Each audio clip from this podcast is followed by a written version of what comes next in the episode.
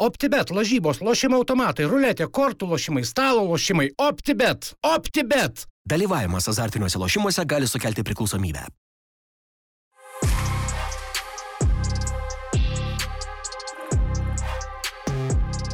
Sveiki, e, kas pasilgot, kas nepasilgot, podkastas vėl O tai eteryje. tavęs Lukai neatleido visgi. Nu, pasirodo. va, pasirodo, ne. Nes buvo Arūnas žmonių sunerimusių tokių.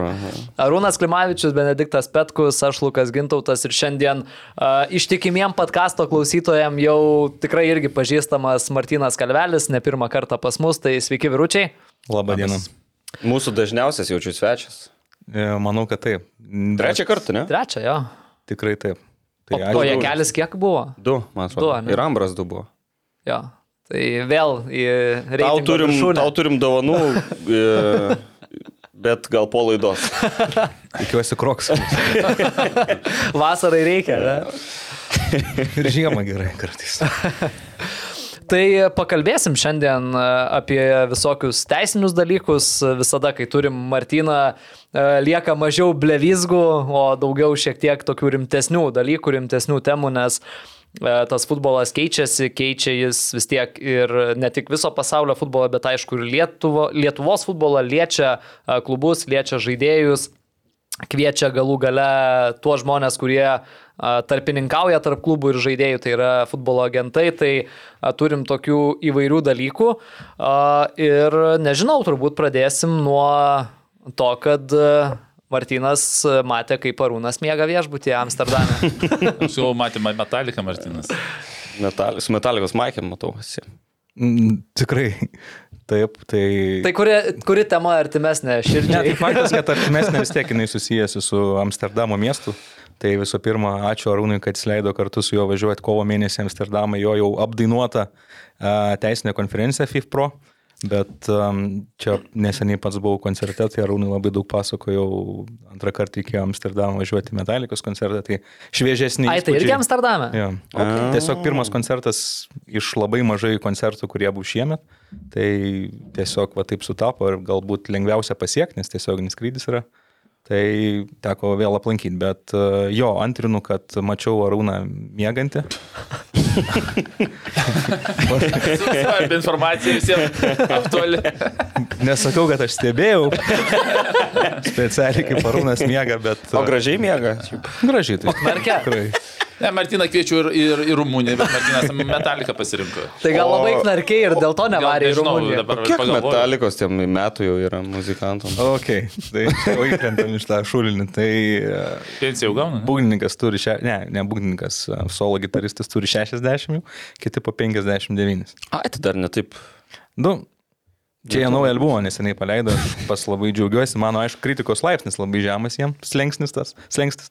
Tai aš labai džiaugiuosi, klausausi daug kartų ir vat vaikštų kol kas taip apsirengęs, aišku, į posėdį einu gražiau apsirengęs. Bet, e, bet tikrai patiko. Bet e, labai patiko ir su Arūnu pabūti, ne tiek, kiek su Arūnu pabūti, bet tas renginys. Tai Arūnas jau pasakojo, bet e, aš anksčiau negalėjau atvykti papasakoti, bet tikrai labai geros kokybės buvo. Ir dažnai būna, kad tos renginius nuvažiuoja į konferencijas teisinės, jos būna labai tokios koncentruotos, tas temos sudėtingos yra ir kartais atsibosta netgi klausyti jau antrą dieną. Ne tai, kad atsibosta, bet tiesiog natūralus nuovargis būna. Nes vis tiek, jeigu tu kažkiek ten domiesi, o mes vis tiek su kolegom kažkiek domėmės tomis naujienomis, tai atvažiavęs, tai nieko labai naujo nesužinosi. Galbūt apibendrinta kažkokia informacija, aišku, smagiausi dalykai vyksta paskui jau. Uh, ir svarbiausia, trečiam kėliny. Trečiam kelny tai yra jau pasibaigus, ten prie baro, nepabijokim to žodžio pasakyti. E, Ten vat, patirtis apsikeičiama labai gerai. Bet e, tame renginyje tikrai buvo labai tokių naujų ir aktualių temų. Gal dėl to, kad na, FIFPRO kaip žaidėjų atstovai ir gynėjai e, turėjo keletą naujų, sėkmingų jiems pasibaigusių bylų ir galėjo pristatyti iš karto šviežiai tos precedentus. Ir Netgi buvo vienas atvejis, kai, na, nepasakyčiau, kad aš ten labai šokiruotas buvau, bet labai nustebau, nes e, vienu klausimu labai intensyviai domėjęsis ir surinkęs informaciją ir maždaug įsivaizdavęs, kaip vystoma praktika ir paaiškėjo, kad yra absoliučiai nauja, ten savaičių klausimas, visiškai šviežia byla, kur ta praktika į kitą pusę pasisuko. Tai jo, tai yra nu, ženklas kokybės geros konferencijos. O daugiau Arūnas daug maž viską papasakoja, kad ypač kaip žaidėjų atstovams, kurie suvažiuoja, tikrai informacija lengvai buvo patikta, koncentruotai ir manau, kad padės dar labiau ginti žaidėjų interesus. O čia toj konferencijoje pristatė tuos skaičius, kur dabar PFA Lietuva socialiniuose tinkluose dalinotės apie šalis, kurios Ne, čia, daugiausiai bylų laimėjo. čia ten, FIFA Kur. Lietuva tarp lyderių. Aha, atsitiktinai čia penktadienį pristatė FIFA savo Ai, puslapyje ir aš tiesiog vienos asociacijos, čia mes vieni pirmųjų irgi išleidom tą, dar mažai kas asociacijų pasidalino, nes tiesiog po Portugalų, nu pas mane visos Europos asociacijos yra, aš seku, kas ką dirba, jo, ką, ką dirba labai daug, nes tu susižinai. Ir Portugalai pirmie įmetė, bet jie įmetė ne lentutę, o tai, kad FIFA pasakė, kad Portugalija daugiausiai laimėjo futbolininkai tų pinigų gavo. Ir aš galvoju, jeigu Jeigu iš kažkur žino, aš nemačiau to jau internetą ir pradėjau ieškoti tos informacijos. Ir labai ten ilgai nereikėjo ieškoti, FIFA nuorodai buvo ta ataskaita, nors ten kitos asociacijos kažkaip nesidalino. Ir aš iš tikrųjų da- dabar darau ir aš iš principo, nes yra kita lentelė, kur bankrutavę klubai. Ir mes matome, kad Portugalijoje pakankamai daug jų buvo bankrutavusi, arba Portugalai lygiai taip pat pakankamai daug šalių žaidžia. Ir dėl to va ir gavosi tasai, kad Portugalai 61 futbolininkas gavo tą. Po to graikai ir rumūnai vien dėl to, kad tuose šalyse bankrutavo klubai, nes mesgi ir, ir iš rumūnų padėjome, ne Martinai? Jo, jo Rumunija. ir Rumunijai, ir Rumunijai, graikai, kur mes buvome Amsterdame, parodė, kad daugiausiai bylų tenais yra, nu ten daugiausiai ir problemų. Tai iš principo ten irgi bankrutuoja, tai automatiškai tie futbolininkai žaidė, sutampa ir Turkija.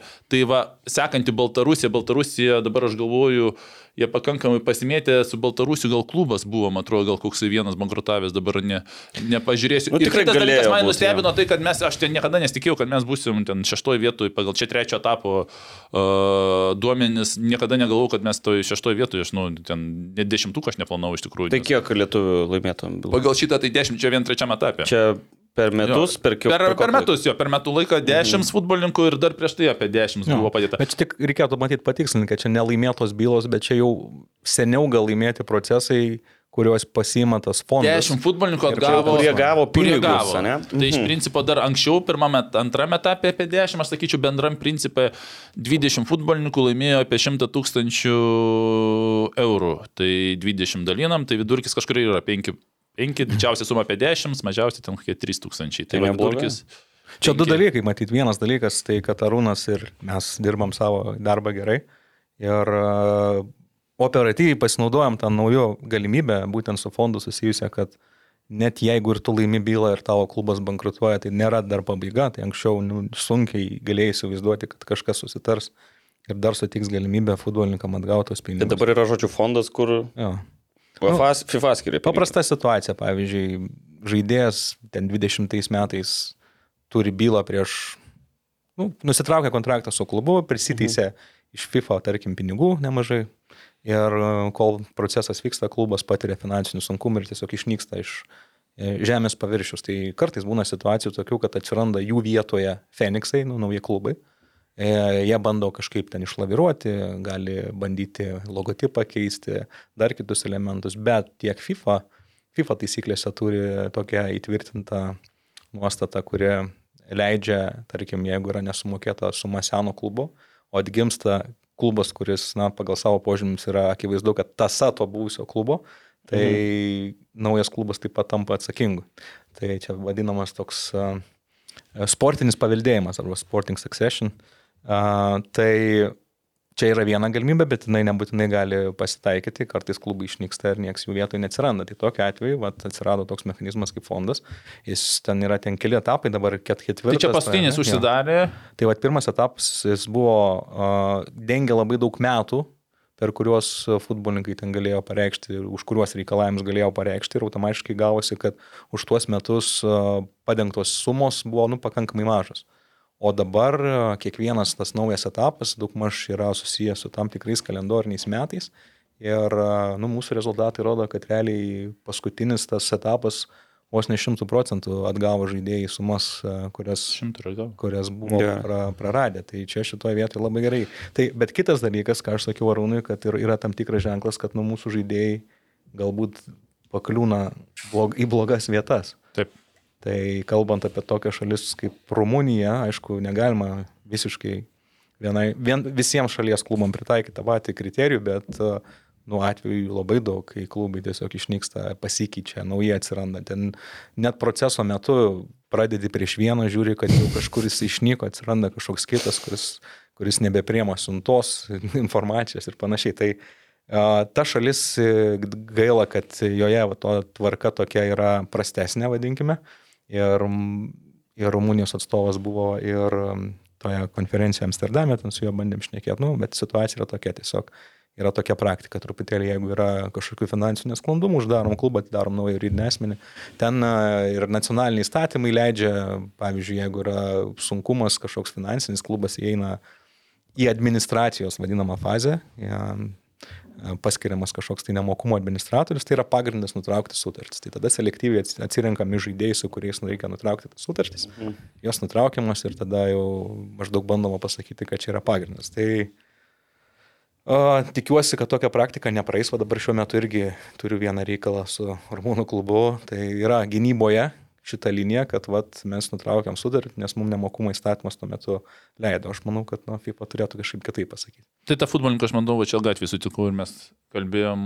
Ne, žinok, čia dar... reikėjo skristi tolokai. A, ne, tai dar kita, dar kur dabar yra dar keli futbolininkai ir lietuviai laukia eilėje naujo, naujo fondo paskirimo ir vieną futbolininką gatvį sutikau čia. Tai kiek dabar tokių žaidėjų yra Lietuvoje? Dabar lietuvių žaidėjų, kurie laukia va, žinau, naujo etapo ar ne? Kuriame... Aš asmeniškai vieną žaidėją, matyt, kurį Arūnas sutiko, žinau, dėl kurio labai noriu, kad greičiau tas atsirastų. Tai du yra fondas, tikrai. tikrai dar du vokiečiai tur, jeigu pavyktų, tai tikrai matyt futbolininkai. Tai man labai patiko, aš va dabar Twitterį šveicarų teisininko, kur irgi prie vieno stalo sėdėjom, tu turbūt žinai tą vieną tokių žymesnių, kur jis Twitterį pasidalino mintim, kad tas fondas susidarė, čia FIFA skiria pinigus, dabar reikia, kad sutartų vėl skirtų, bet sako, pagal tai, kiek Europai bankrutuoja klubų, nes pagrindė čia Europų klubai bankrutuojantis yra dauguma, tai sako, jau gal ne tik FIFA, bet ir UEFA galėtų tam skirti pinigų.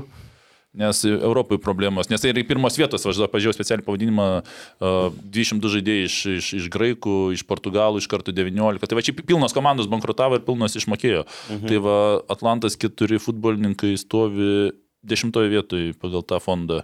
Ir tada yra pagal tą grafiką du, du nauji e, klubai, tai yra FK Viliaus Vytis ir FK Vilnius.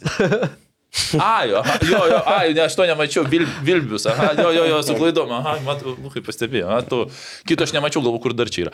Tai jo, tai čia ta tema, kaip sakyti, gera, Vilbius. laiku atsiradusi ir važiuojam, Martinai, prie kitų temų. Ja. Nu, čia gal reikia pasakyti žiūrovams, kad čia taip mes e, labai pradėjom rimtai, oficialiai kalbėti, bet gal mes čia biški taip e, apie rimtus dalykus, bet linksmai pašnekėsim, ne? Taip, kaip, kaip pasakysi, Benediktai, taip pasakysi. O paskui apie futbolą dar pakalbėsim. Tai va, Martinai, turbūt pirmos temos, kurios dabar Lietuvoje aktualiausios, yra turbūt apie rasizmą, teisingai, nes daugiausiai iškyla ir, kaip suprantu, aktualiausias ir sunkiausiai nuspėjamas ir sunkiausiai nagrinėjamas. Pripažinsi su tuo, kad čia toksai slidus reikalas ir ne kiekvienas, kaip čia pavadinti, Atvejais. Jo, aš pripažinsiu, kad čia yra slidus reikalas ir ne jo, ne kiekvienas matyti atvejais iš karto gali. Aš tai gal galiu įvesti iš karto, bu, kur, mhm. kur buvo ta situacija, ar ne, su Florijanu Davidu ir Nunu Pereira iš Nunu Džiugo, ar ne? Pereira, po to Paneveži buvo, po to buvo Šiauliuose su tais sparnais, tai čia tokie trys atvejai paskutiniu metu. Aš nežinau tų kitų vienas. dviejų atvejų, bet pavyzdžiui, Florijano Davido ir džiugo Portugalo atvejais baigęs tuo, kad tiesiog tyrimas nutrauktas drausmės komiteto, e, abu žaidėjai įspėti, vienas įspėtas, kad neva visa šita diskriminacija yra netoleruojama, kitas įspėtas, kad irgi bet kokie veiksmai aikštėje ten ar provokacijos. ar provokacijos, ar agresyvus žaidimas, ar ten vos ne kietesnis patkatas irgi yra netoleruotinas ir ties tuo baigėsi. Nes susitaikė, man atrodo, ar ne, toks yra priežastis dėl to. Nelabai susitaikė. Nesusitaikė. Ne. Nesusitaikė. tai kaip tu, Martinai, tą dalyką, jeigu vienas pasako ir nėra liudininkų, teisinga baigtis. Jo, tai čia, čia mes labiau kalbam apie įrodinėjimą, ar ne? Tai ar, ar yra pakankamai duomenų manyti, kad ir patvirtinti, kad tikrai buvo pasakyta tai, kas buvo pasakyta, bet jeigu galima ištraukti, kas yra pasakyta, tada jau kitą reikia atlikti pratimą. ir žiūrėti, nu, ar tai atsigula į tą rasistinio, vadinkim, diskriminacinio elgesio lentyną. Bet čia iš tiesų yra sunku ta prasme, kad nu, reikia tikrai įvertinti visą kontekstą. Ir reikia tikrai dėti ir pastangų, ir supratimo, ar, ar, ar tam tikri žodžiai iš tiesų gali atitikti tam tikrą straipsnį ir panašiai. Nes e, jeigu žiūrėsim LFF drausmės kodeksą, tai ten kalba apie, šiaip iš esmės labai panaši konstrukcija, kas, kas yra, pavyzdžiui, numatyta UEFA, čempio, ne čempionų, bet drausmė, drausminėse taisyklėse, tai yra visom UEFA varžyboms skaitant ir rinktinės taikomas e, kodeksas, tas pats ir FIFA kodeksas, kuris taikomas klubų ten, tiem tartutiniam čempionatam ir, ir rinktinių varžybom, tai iš esmės kalbama apie asmens ar asmenų grupės orumo paniekinimą ar įžeidimą, nu, užgauliais žodžiais ar veiksmais ir jų motyvai yra arba rasiniai, arba a, etinės, socialinės a, prigimties ir panašiai. Tai iš tiesų šitas dalykas kartais gali būti labai sunkus ir kartais gali būti labai sunku atriboti, tarkim, a, būtent tokį diskriminacinį, rasistinį, vadinkime, elgesį nuo a, to, kas vadinama politinė žinutės, kuri provokuojanti yra išskleidimu. Tai šiek tiek pas mus, jeigu e, drausmės e, kodekso Lietuvos futbolos federacijos yra kažkaip, e, tarkim, diskriminacinio elgesio laikomas ir tas įžeidimas politinių požiūrių, kas yra šiek tiek man galbūt keista. O čia, Tai čia tie sparnai Albanijos jo. Jo, nes pavyzdžiui, jeigu žiūrėsime UEFA taisyklės, tai a, tų politinių pažiūrų kaip ir nėra šitoje vietoje priskiriama prie diskriminacinio elgesio, bet yra priskiriama prie kitos taisyklės, kur yra klubai įpareigojama užtikrinti, kad jų stadione ir prieigose būtų tvarka ir, išva, ir, išvard, jo, ir išvardinti atvejai, kuriais klubas visais atvejais atsako, nepriklausomai nuo to, ar yra klubo kaltė ar ne. Ir tame tarpe yra, e, pavyzdžiui, provokuojančių politinių žinučių skelbimas. Ir skirtumas nuo to diskriminacinio elgesio, kad diskriminacinis elgesys yra nu, laikomas sunkesniu, automatiškai e, šiek tiek griežtesnės sankcijos. Ir be kita ko teisėjas turi teisę nutraukti mačą, jeigu Oho. e, tas... Čia e, Serbijai, kur nusileido su dronu tie, e, čia Kosovo vėliava, kas ten. A, jo, ten buvo labai geras pavyzdys, tarp kitko labai užkabinai gerai, nes yra padeda pažiūrėti, kur yra skirtumai, tarkim, diskriminacinio to elgesio rasinių pagrindų ir kur yra ta politinė žinutė. Arba mm, tas, sakykime, švelnesnis elgesys. Tai ten situacijas, matyt, daug kas žino, man atrodo, 2016 metų Europos čempionato atranka Serbija Belgrade žaidžia su Albanija. Matyti iš karto, e, sakyt, premisas nieko gero nežada. Arba žada įtampos šiek tiek, tai tos įtampos labai buvo, nors buvo bandoma apsaugoti. Nuo kažkokių incidentų Albanų leido tik tai šimtą ir tik tai oficialių asmenų. Bet dar neprasidėjus rungtynėms, kai kurie albanų oficialūs asmenys jau skundėsi e, bekrintančiomis betono luito dalelėmis ant jų galvų. E, O vėliau prasidėjo rimtesni įvykiai. Aš jau nekalbu apie tai, kad ten ir buvo įsiveržta į aikštę apie 15 minimum fanų, kurie be kita ko albanus pavišvino smūgiais. Bet e, jo, didžiausias... Pavaišino. Tai... Nu, aš nenoriu jokių būdų nuvertinti kažkaip to elgesio, nes iš esmės tai tikrai yra, nu, Nu, taip, taip, absurdas. žiaurus, žiaurus dalykas. Bet e, ten pagrindinis incidentas buvo tai, kad nu, daugiausia dėmesio sulaukęs, kad atskrido dronas iš už stadiono ir jis turėjo vadinamą didžiosios Albanijos vėliavą, aš dabar tiksliai negalėčiau labai pasakyti, bet ten e, pavaizduota Albanija dengianti ir Šiaurės Makedonijos liktai teritoriją ir Graikijos kažkiek, nu yra tam statementas jau konkretus. Tai serbams nepatiko, serbai tą nulupo, prasidėjo muštynės ir galų gale rungtynės nebuvo tęsiamos. Ir bent jau UEFA raportuose oficialiuose buvo parašyta, kad albanai atsisakė žaisti, maždaug nu, ant albanų buvo permesta kaltė. Ir berots UEFA savo vidiniuose ginčio organuose, ten iš pradžių yra tokia komisija, kuri, ale drausmės komitetas, paskui galima apeliuoti į UEFA apeliacinį komitetą, nustatė, kad galiu klysti, bet man atrodo buvo taip, kad serbams buvo įskaitytas pralaimėjimas už visą tą riaušių, vadinkime, elementą, Mm. o, o albanai gavo minus 3 taškus už tai, kad atsisakė žaisti. Nu, tai iš esmės nieko. Tai albanai apsiskundė sporto arbitražo teismui.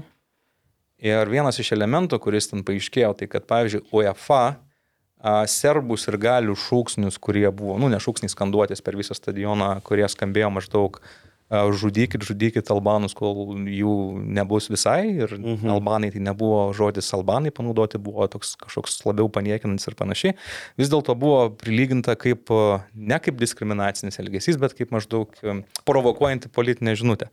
Dėl ko albanai susinervino, švelniai tariant, ir bandė šitą elementą apskus, bet a, Bėda, kad e, sporto arbitražo teismas vis negali priimti apeliacijos asmens, nekuriam pritaikytą sankciją. Tai šituo atveju, kadangi buvo sankcija pritaikyta serbų asociacijoje, Albanai norėjo ją, na, pagriežtinti, tai ta dalis nebuvo išklausyta. Bet iš principo čia įdomiausia, bent jau man buvo, tai taip, kad, na, e, nu, kaip nustatyti, kas tą droną valdė. Čia va, kaip Arūnas kalbėjo apie tai, kad, na, nu, ar jeigu žodžius išgirsti ir jeigu nėra, nėra žodžių išgirsta, kaip galima uh, kaip galima nustatyti, kad konkretus šis asmo kažką pasakė. Tai, o čia jo, faktas buvo. Jo, e, tai ten tokia situacija yra, kad e, iki tol jau buvo, nu, visą laiką arbitražas ateina spręs kažkokią bylą, jie pasižiūri, ar buvo situacijų kažkokių anksčiau. Čia užšalis pačios suranda tų situacijų ir tos precedentus bando pakišti ir pažiūrėkit, mhm. sako, čia tai buvo. Tai jeigu um, žiūrėtume atgal, ten buvo ten tam tikrų bylų ir esmė buvo tokia, kad nustatyta toks maždaug kaip testas. Jeigu jūs norit nustatyti, kurio čia pusės sirgalius kažką padarė, tai maždaug duokim vertinti objektyviam ir, na, šiek tiek apsiskaičiučiam pašaliniam. Nu, pavyzdžiui, kokiam nors uh, teisininkui iš Kosovo šitoje situacijoje nu, tarp albanų ir serbų. Objektyvumą jau matyti ilgai neišlaikytume, bet uh, Bet maždaug toks tekstas. Jeigu iš visumos konteksto tu matai, kad, e, nu, matyt, to šalies fanas padarė arba to klubo fanas, tai matyt, galima spręsti. Bet čia... bamba, čia iš tikrųjų yra žiauriai sunku įvertinti va tą, kas yra rasizmas, kas yra nacionalizmas, ir, kas gerai. yra dar kažkas, ir kas nes pavyzdžiui. Dar. Jo, ir kas ką padarė. Nu, okei, okay, aš dabar turiu vieną gerai. pavyzdį, kai žaidė Vilniaus Žalgiris, Žalgiris su Poznanės Lechu, Lenkijoje kai iškėlė Lecho fanai tą užrašą taip, taip. E, lietuvių Hame, Lenkis, ten Iš Lenkų poną. Jo. Tai tada tą įvertino UEFA kaip, e, kaip nacionalizmą. Ir tai nebuvo prilyginta nei diskriminacijai, nei rasizmui, tiesiog nu, nacionalizmui. Xenofobija labiau gal yra. Nu, Nu, bet, va, sakau, esminis dalykas, kad yra žiauriai sunku įvertinti tą ir visi turbūt interpretuoja savaip. Tikrai interpretuoja savaip ir nu, faktas, nežinau, šačerį muša įvartį ir padaro realio mm rankas. tą gestą, taip, taip. bet jis padaro būdamas šveicarų, netgi nebūdamas, nežaisdamas už Albaniją, ar ne, ir, yeah. bet padaro prieš serbus žaidžiant, tai klausimas, ar čia žaidžia serbų savigarbę ar ne. Yeah. Nu... Tai matyt kažkiek tai žaidžia, bet pavyzdžiui, jeigu Albanas Lietuvoje muša įvartį ir padaro, aš nežinau. E, čia aš pats nenoriu labai pakliūti kažkur po traukiniu ir pasisakyti kažko, kas paskui e, prieš mane šauto atgal, bet aš tiesiog e, nu, pantrinsiu Lukui, kad labai sunku. Tiesiog reikia labai objektivaus ir tokio nu, tai nu, filosofinio požiūrio. Pavyzdžiui, net tai bus tai geriau neutralią poziciją paimti. Kai kada, jo, bet kai, ne, bet uh, kai kada labai aišku yra ir tada reikia, ja, nu, negalima neutralios pozicijos, tada reikia nubausti, kaip gali bausti, nes tai yra... Kaip, kaip įrodymai yra jo. Tai čia klausimų net nėra. OptiBet, lošimo automatai, OptiBet. Dalyvavimas azartiniuose lošimuose gali sukelti priklausomybę. Nu, bet gerai, tarkim, mane žaidžia, žais dabar Vilnių Žalgris, net ten atranką šitą, nu gerai, ar tarkim Lietuvos rinktinė žaistų atranką, ar ten kokią tą tautų lygą su Baltarusija, pažiūrėjau. Mhm. Ir skanduoja fanai ten kokį Putin huilo, ar mes ten iškeliam irgi kokį nors ten Ukrainos palaikymo plakatą ar kažką, nu tai čia... Lukašenka susitepusi. Nu jo, okei, okay, krūvinom rankom Lukašenka, tarkim. Mhm. Tai baltarusių atžvilgių tai yra diskriminuojanti žinutė jų pusė. Kaip, greičiausiai nu, nebūtų diskriminuojanti žinutė pagal bet už, UEFA taisyklės, bet... bet būtų už tą, kas yra... Uh, būtų vertinama kaip atsakomybė ne? už tai, kad vat, Na, kad buvo leista iškelti. Jo, kad buvo leista iškelti mm. provokuojantį banerį. Tai va čia okay. ar, ar UEFA leistusi iki tokio lygio maždaug ir Nu, su Baltarusija dar čia gal. ar ne, bet iš principo tai yra taip. Nu, ta prasme, kad ir kaip žiūrėtume UEFA, bet UEFA uh, yra organizacija, kuri matyt nori apsisaugoti nuo bet kokio kontroversiškumo taip, taip. ir tas bandymas. Dėl ko, dėl ko aš klausiu, nu, vis tiek reikia suprasti, kad ne, mes, mums kažkokie ten Serbijos, Kosovo dalykai, mums jie vienaip mm. atrodo, serbams jie atrodo visiškai kitaip, ten e, NATO vėliavos ir, ir panašus dalykai. Tai Čia irgi, žinai, pavyzdys toks pat, nu, Baltarusija. Žaisim ir su Rusija kažkada turbūt žaisim už 10 metų, gal už 15, nežinau, nu čia spekuliuoju. Gal dar vienas iš tų pirmųjų Lietuvoje atvejų buvo, kur e, Darius Girino stadione Lietuva, Prancūzija. Nu, čia jau- Ai, kur A, sveiki atvykę į Europą. Tai ten matyti interpretacijų nereikia. Ten labai čia- Šį buvo vienas, e, mano gal vienas pirmųjų toksai prisėdimų prie ginčio, kuris peržengė Lietuvos ribas. Tai buvo ekrano atvejs vienas. Senokai. E, 20 metais buvo žaidžiama su Baku klubu. Ir jo grupelė žiūrovų Baku žaidėjų Brazilui įmušusiam įvartį. E, Na, girdėjusi tas, kas vadinama Ūkau. monkey chance, Mhm. ūkavimas, jo. Tai, tai ten nebuvo labai dėlių interpretacijų iš FA pusės, išklausė, įkirto baudą. Mhm. Ir žinių. turbūt. Jo, bet ten, ten ta situacija tokia buvo keista tuo metu. Aš dabar irgi nenoriu skambėti labai baisiai, bet aš, nu, matyt, gal mažai abejočiau, kad ten buvo aiškiai, aiškiai nukreiptas elgesys apeliuojant į odos spalvą. E, Bet e, Aš tiesą sakant, man nenustepčiau, jeigu buvo tais laikais panevežį. Ir panevežiai A, buvo. Bet, nu, tam pačiam sezone, pavyzdžiui, su Sūduva žaidžiam, e, lietuvis gynėjas nupjauna mūsų vieną iš žaidėjų ir visas stadionas tą tokį Ta pati, ta pati garsą kuri- daro. Taip. Tai yeah. čia aš galvojau, būdavo. šiaip labai nepatogi pozicija, ir taip labai nu, nemaloniai reikėjo galbūt pristatyti, Taip, nes tu supranti, kad nu, Šveicarijai arba vakaruose šiek tiek kitaip suprantama ir ten niekas labai net nenori gilintis ir visiems gal net nepatogu gilintis ir žiūrėti, bet galvojau, na gal čia mes vieni tokie su šiek tiek gal nepatogia ir gėdinga pozicija, jeigu taip galima pasakyti, nes vis tiek, nu, suprantam, kad visur tai reiškia labai aiškiai rasistinį elgesį, bet pamačiau, kad 2009 metais buvo labai panašus reikalas ištikęs ir Atletiko Madridą, e, kuris irgi UEFA kažkokiose varžybose jo fanai, e, na, konstatuota buvo, kad jie turėjo tą masinį rasistinį uh, monkey chantą darė. O gynybos linija atletiko buvo, kad čia ne, ne, čia nebuvo nukreipta kažkokio rasistinių požiūrį, čia tiesiog fanai skandavo e, Sergio Aguero pravardę Kun iš eilės. Ne, ne, nepaėjo šitą gynybą, bet, e, nu, Bet kažkas išra, išradingai tai. Jo, nu, čia ka- kas bandoma Reikia padaryti. teisininkui pasimti pinigų. Čia bandoma padaryti yra, na, parodyti, kad e, tas elgesys netitinka požymių ir prašoma kvalifikuoti, kad, nu, tai nėra pažeidimas. E, Yra tam tikri dalykai, kur tu gali gal pasimažinti bausmę, šiaip rasistinio elgesio, diskriminacinio elgesio atveju labai retai kažkas drįsta sumažinti tą nuobaudą ir iš esmės labai, labai griežtai vertina. Tai O šiaip, nu, aš tai sup- supratau ir, ir UEFA, ir FIFA turbūt, a, kad jie nori apsidrausti visais atvejais ir ne, nežiūrėti, kas ten gerai, kas ten blogai. Nu, tai NBA gali paimti, pažiūrėjau, tai į rungtynės negali jokios vėliavos, pažiūrėjau, įsinešti. Nesvarbu, ten žaidžia valančiūnas, nu negali Lietuvos vėliavos įsinešti, neleistų nieks jos iškelti. Ateis apsauginis, Rimtai? sakys, jo, jo, nes, nu, nes, nu, ką jie ten gilinsis, ką tu atsineši, UEFA irgi kritikos daug. vėliavą atsineši, ką, ką jie ten, žinai. UEFA irgi kritikos daug sulaukia, aišku, jam supaisyti, vadinkim, visus nesutarimus, nes Europa vis tiek didelis kontinentas ir yra labai e, daug e, nesutarimų gilių ir konfliktų tarp šalių. Ten, tarkim, Armenija, Azerbaidžianas negali Taip. žaisti. E, Keista, kad Serbija su Albanija buvo jiems leidžiama tuo metu žaisti.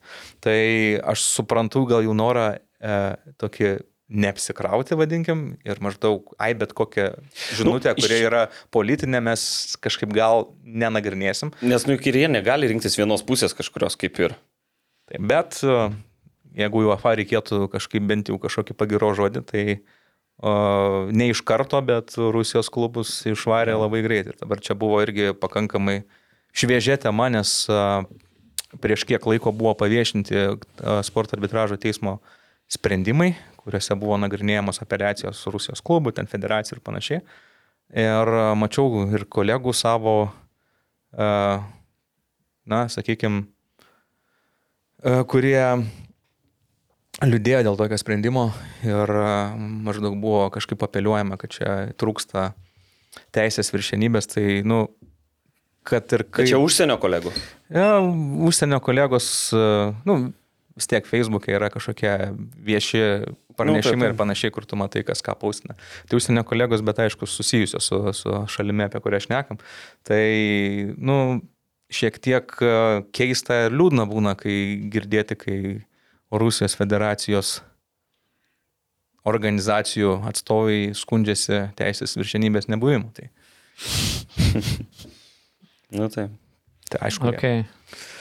Tai va, bet Čia aš, tas, žinai, sorry, not sorry, patys kalti. Nu, tai. aš norėjau papasakoti vieną dalyką, tai yra dėl to žiūrovo. Kaip nustatyti, kad tas žiūrovas yra būtent tas žiūrovas to šalies, kuris kažką tai padarė. Kalbant apie droną, tai serbai sakė, čia, tiksliau albanai sakė, čia greičiausiai serbų provokacija, serbai matyt nuleido tą droną, norėdami sukurti įtampą rungtynėse ir galbūt kipišo, jo, pakipišuot nusprendė ir panašiai. Tai e, sprendimą sporto arbitražo to teismo priėmė trys arbitrai, tai buvo naudojama, kai, kai matosi, kad ne visi trys arbitrai palaiko vieną nuomonę, naudojamas iškart terminas, kad e, dauguma arbitrų mano, tai kažkas nepalaikė, bet dauguma arbitrų vis tiek e, per kelis požymius ir ten daugybę faktinių aplinkybių išvartė, vadinkim taip, kad e, tai yra vis dėlto tam objektyviam ir nešališkam ir, na, protingam pašaliniam asmeniui būtų akivaizdu, kad čia albanai e,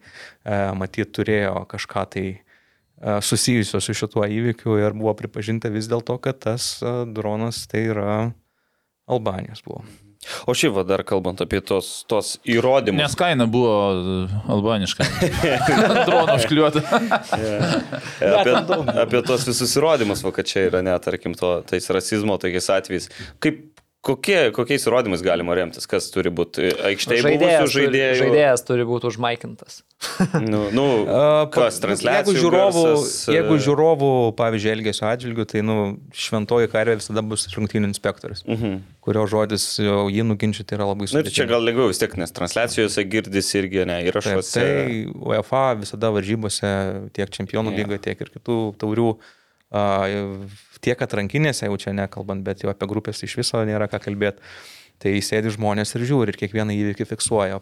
Ir paskui surašomas raportas ir tas raportas tampa tikrai labai svarbiu įrodymu. O žaidėjų atveju, va tai štai kas, kas įvyksta.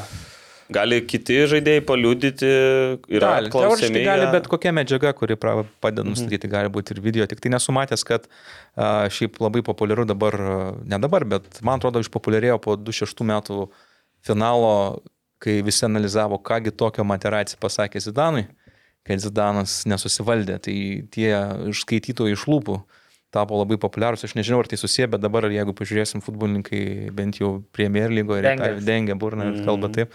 Tai matyt, kad tikrai yra kažkokia metodika gera, pagal kurią galima nustatyti, kas ką sakė. Ne, nesu matęs, kad būtent uh, žmogus, kuris skaito iš lūpų uh, kažkokia tai ekspertinė išvada būtų kaip įrodymas, bet iš principo, nu tai bet kas, kas gali užfiksuoti tą faktą. Žaidėjo irgi gali būti parodymai, bet aišku, jeigu žaidėjo tik tai parodymai, tai nu, primtina tokia tradicija, kad reikia šalia kažką turėti, ar tai vaizdo medžiagos ar panašiai. Bet dažniausiai būna, kad uh, tas jau grubus rasistinis elgesys pakankamai akivaizdus ir nepalieka vietos fantazijai. Blemba iš tikrųjų čia kaip sudėtinga, ne, nu, toks, nu, kaip. Jo, bet iš esmės tai vis tiek reikia suprasti, kad a, taisyklės, tai jos a, dažnai būna, kad taisyklės vėluoja paskui gyvenimą ir gyvenimą šiek tiek į priekį nulėkia ir paskui sureguliuoja kažkas įkala taisyklę ir paskui jau į tą taisyklę žiūrim gal retrospektyviai, bet a, nu, yra visada galimybė tą taisyklę protingai interpretuoti tam asmeniu arba tą institucijai, kuris sprendžia ginčą ir atsižvelgti visą kontekstą, atsižvelgti tai, kas vyksta pasaulyje, tai kas galbūt pasikeitė nuo tos taisyklės priimo momento priimimo ir priimti objektyvų ir gerą sprendimą ir viską vertinti. Ir turbūt dar kartais į kažkokius dėsningumus reikia atkreipdėmėsi, ne? Nu, tarkim, va, ne fanų, fanų skandavimo kažkokio atžvilgiu, ar, ar nežiūri į tai niekas. Nu, vad ką ir kalbėjom, tai, kada ne... Sakau, bet pavyzdžiui, vat, man tas Albanijos uh, sprendimas, tai jis labai toksai, kur pats kasas pripažino, kad žiūrėkit, mes dabar padarysim išvadą, kuri biški paremta prielaidom. Bet mums leidžia, tai ten Šveicarijos teisė ir panašiai. Nes mes, nu, turim objektyvios medžiagos, mes negalim nustatyti objektyvios tiesos, nieks už rankos nepagautas su to drono valdymo pultu. Kaip nustatyti? Nu ir jie nustatinėjo iš ten keliolikos aplinkybių. Nu, pavyzdžiui, faktas, kad uh, buvo pakabinta vėliava, kuri, nu, serbam būtų labai netgi kaip pasakyti, netgi labai skaudi ją pažiūrėti ir jau ten niekas neįsivaizduoja, kad kažkas galėtų sąmoningai iš serbų kabinti tą vėliavą. Ir... Serbijoje niekas tokios Jo. negamintų. Jo, nu tai va, to, tokie dalykai. Pavyzdžiui, tai, kad faktas, kad... Bet čia jau prielaida yra. Jo, čia jau, bet tai yra, nu, tam tikra Nu, prielaida, bet logika, dėsnis, kur tu gali kažkiek nueiti jo į objektyvios tiesos nustatyti nereikia, bet kažkiek Jo. svarstyklės pasverti. Nu, pavyzdžiui, tai, kad albanų gynėjai, žaidėjai buvo labai uh, saugojo tą vėliavą, ta prasme, bandė iš serbo atimti ir ją labai elgėsi taip atsargiai jos atžvilgiu, rodė pagarbą. Tai irgi rodo, kad tai galbūt yra uh, Mhm. su Albanija susijusi. Nu, čia toks de detektyvas jau turi vykti, čia Sherlocko Holmeso. Jo, bet stiliumi. toj byloj buvo remiamasi prieš metus buvusiu dar vienas sprendimu, kuris man šiaip iš faktinės pusės labai įdomus buvo, tai su Fenerbakčia įvykis. Įvyko Fenerbakčia ir turkų uh, sirgalių aistringumą, matyt, mes žinom, kad jie dažnai ten su fireais prisižaidžia, daiktų primėto ir panašių dalykų. Tai esmė, buvo gavę, Fenerbakčia buvo gavę sankciją uh, rungtynės už uždarų durų, tai yra be žiūrovų. Ir jie sugebėjo tose rungtynėse be uždarų žiūrovų pasidaryti tokią situaciją, kad vis tiek buvo nubausti jų žiūrovai. tai, O kaip čia taip gavosi? tai aš ne, esu įstikinęs, kad tikrai esat matę vaizdo įrašą arba, a, arba netgi nuotraukas, žiauriai gražios nuotraukos. Fenerbaktis stadionas tokiam gražiam Stambulo mm, rajone, Kedikoje, man atrodo, jis vadinasi, stovi ir ten toks peizažinė nuotrauka yra. E, iš esmės fanai sukūrė tokį mechanizmą, e, Fire, kuris ant parašiuto pakabintas. Ir jį paleidė ir su parašiutu nusileidžia į aikštę. Tai tų fairių ten prikrito tikrai daug ir vienas netgi kažkaip padegė kažkurį tai stadiono plastikinį elementą ir kilo mini gaisras. Tai vat, e, išradingumo būna tikrai daug. Ir vat, ten buvo maždaug praplėsta tas ir galiaus uh, savoka. Jos nėra niekur. Tai protingai gal palikta taip, kad jos nėra, kad galėtum pagal realybę nustatinėti. Tai ten tik taisyklė buvo už tai, kad uh, Liktai tas ir galius turėtų maždaug e, būti stadione arba prieigose. Tai ten buvo galbūt praplėstos tos prieigos ribos, kad gal nebūtinai reikia žiūrėti prieigų, nes jeigu technologija leidžia tau padaryti kažką blogo, neturint labai artimo kontakto su stadionu, tai... Tu nu, tiek turbūt gali droną gali, droną gali ir iš tūkstančių kartų kilometrų. Nu, karinį tikrai. Nu. tai, tai čia jau nebe, nebe stadiono prieigos. O dar paskutinis gal į šitą. temą. klausimą, bet tai ir pažiūrėjau. nu, Žiūrim, man, čia. man labai įdomu šitą. E, ką čia norėjau sakyti. Dėl provokacijų, tarkim, ne, jeigu, vatane, kažkoks, tarkim, irgi Mhm. iš fanų pusės, okei, okay, rasizmo, nacionalizmo, bet koks, ne, kažkoks, ne, gestas į žaidėją nu- nukreiptas, bet žaidėjas prieš tai provokavo pats. Nežinau, rodė Negelbės kažką. fanų. Fanų negelbė, ne, vis tiek. Okay. Ta prasme, žaidėjas gali gauti savo sankciją kažkokią, bet tai Mhm. jokių būdų nereiškia, kad uh, tai... Nėra pateisinama, žodžiu. Ne, tikrai ne, tai reikia atsilaikyti Tai- provokacijom. Šiaip įdomi tema, Martinai, mes kalbėjome apie, keičiam temą, jo. Tai uh, apie Slivką ir aš pats nežinau tos istorijos, pasirodo, kad daug dalykų susijusi tai, kad Slivka išvažiavo į Juventus yra uh, su Stankievičium susiję ir, ir aš pats Amsterdame tu man ir papasakojai tą istoriją, tai tu kiek gali už, užsimink, neužsimink papasakoti apie tą istoriją, kaip, kaip, kaip gavosi taip, kad Stankievičiaus dėka Slivka išvyko į Juventusą. Jo, tai aš galiu papasakoti, kiek ir Arūnai pasakoja, aišku, kiek e, leidžia įstatymas, nes e, ten buvo byla. Grįžtam prie konfidencialumo. Įstatymas ir tvarka toks buvo. Ne, buvo sp- sporto arbitražo teisme byla susijusi, bet e, šalis ten tiek pats ek- ekranas tuo metu dar gyvas, e, tiek ir Brešė, mano prisiminimu, buvo paleidus tam tikrą informaciją viešai apie šitą reikalą. Aš neprisimenu, kokios temos mes išėjom, kalbėdami, man atrodo, treniruočio Ne, kompensacijos. treniruočio kompensacijos kalbėjom, kad Tai- ne, ne, norėjo palaukas brėžia mokėti ekranui. Nenorėjo. Ne, ten, ten situacija Ne tokia, pagal tai, ką, ką galima pasakyti, tai yra galbūt, jo, čia labai seni laikai yra, bet... Uh, Kiek čia metų terminas jau viskas galim kalbėti turbūt. nes, Kiek čia metų atgal, ne? ne, esmė, kad tai, kas viešai prieinama, tai čia nesunku pasakyti. Čia yra, žiūrėkit, visa situacija kilus iš 2001 metų Uh. uh, transfero sutarties tarp, ar gal jau 22 uh, antri buvo tarp ekrano ir brešė tuo metu. Uh, Žinia, 21, uh, 2001 metų rugsėjo 1 dieną Italija žaidė Kauno Darius ir Grieno stadione su Lietuva. Rezultatas 0-0 ir tos rungtynės buvo dar žinomos be to, kad e, Marius Tankievičius e, taip, į kišenę įsidėjo Kristijaną Vierį ir Del Piero. Bent jau tai buvo sakoma. Nu, aš pats stadione buvau vaikas, tuo metu žiūrėjau tas rungtynės ir man labai patiko. Nesakysiu, už ką sirgau.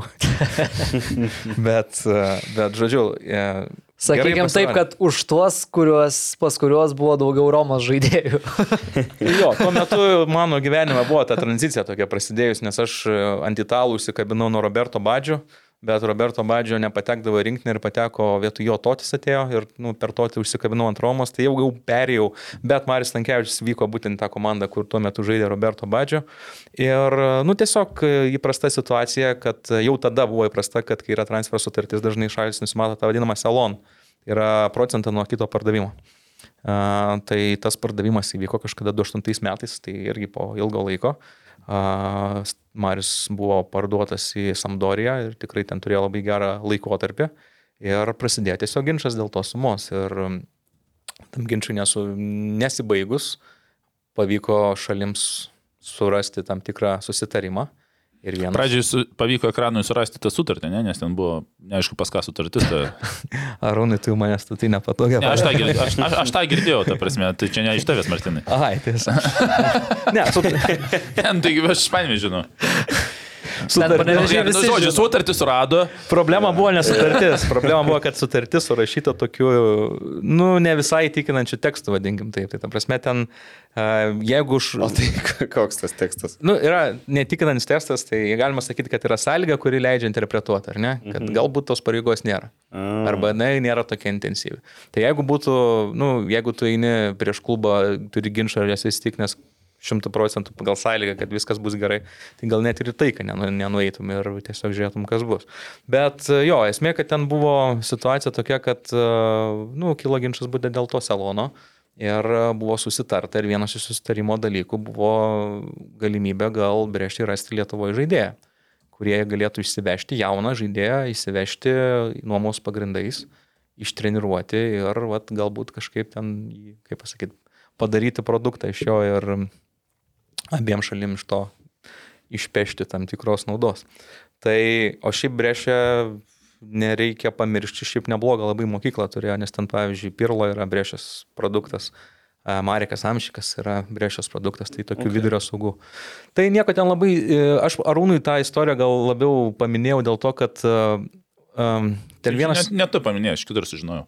Ne, ne, bet e, vieną dalyką aš tau paminėjau, kalbė, kalbant apie Lietuvos jaunimo futbolą ne, ir kaip jie galima, nežinau, kuriai. Ten buvo tokia situacija, kad, e, na, atvyko tas brešios agentas, um, italas ir uh, atsirinktų vaikų.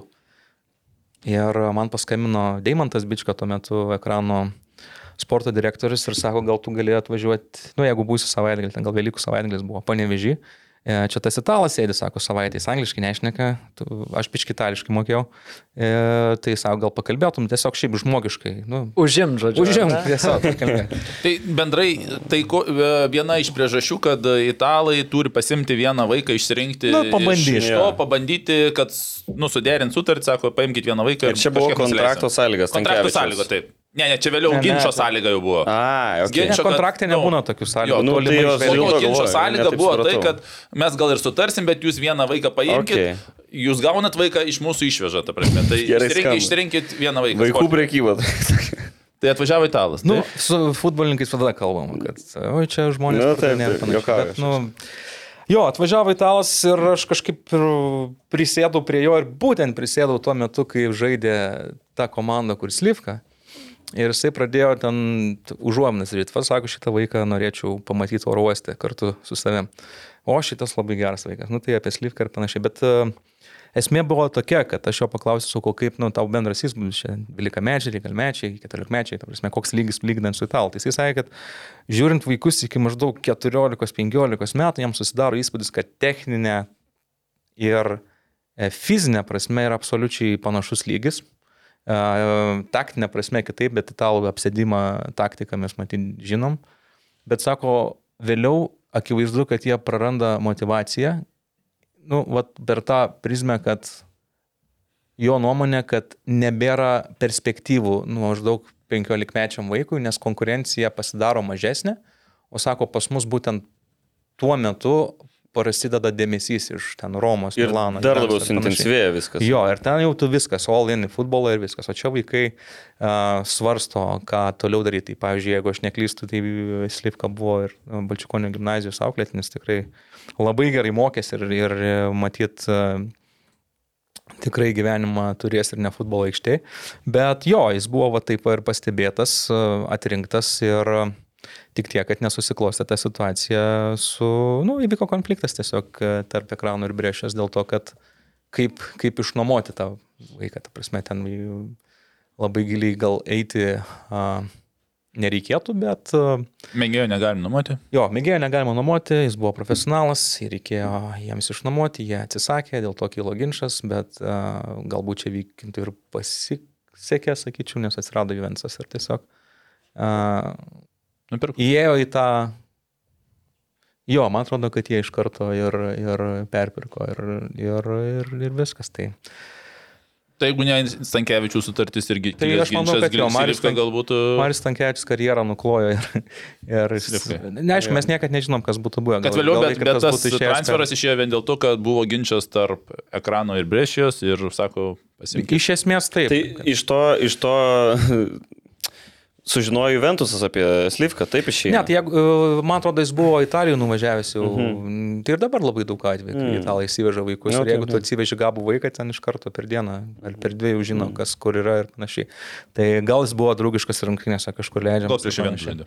Čia matyti jums reikėtų. Bet Čia, Aišku, čia jo bus e, tema su vykintu, jeigu kada nors. Aišku, čia kiti laikai- kiti laikai, podcastą. Kiti laikai darbiški buvo, dabar čia mes. Jo, bet aš sakau, niekad paprasčiau negali nu, nuspėti alternatyvios istorijos, niekad negali žinoti, kaip būtų susiklostęs, gal būtų visiškai kitaip ir gal irgi nebūtų prastai, arba būtų dar geriau.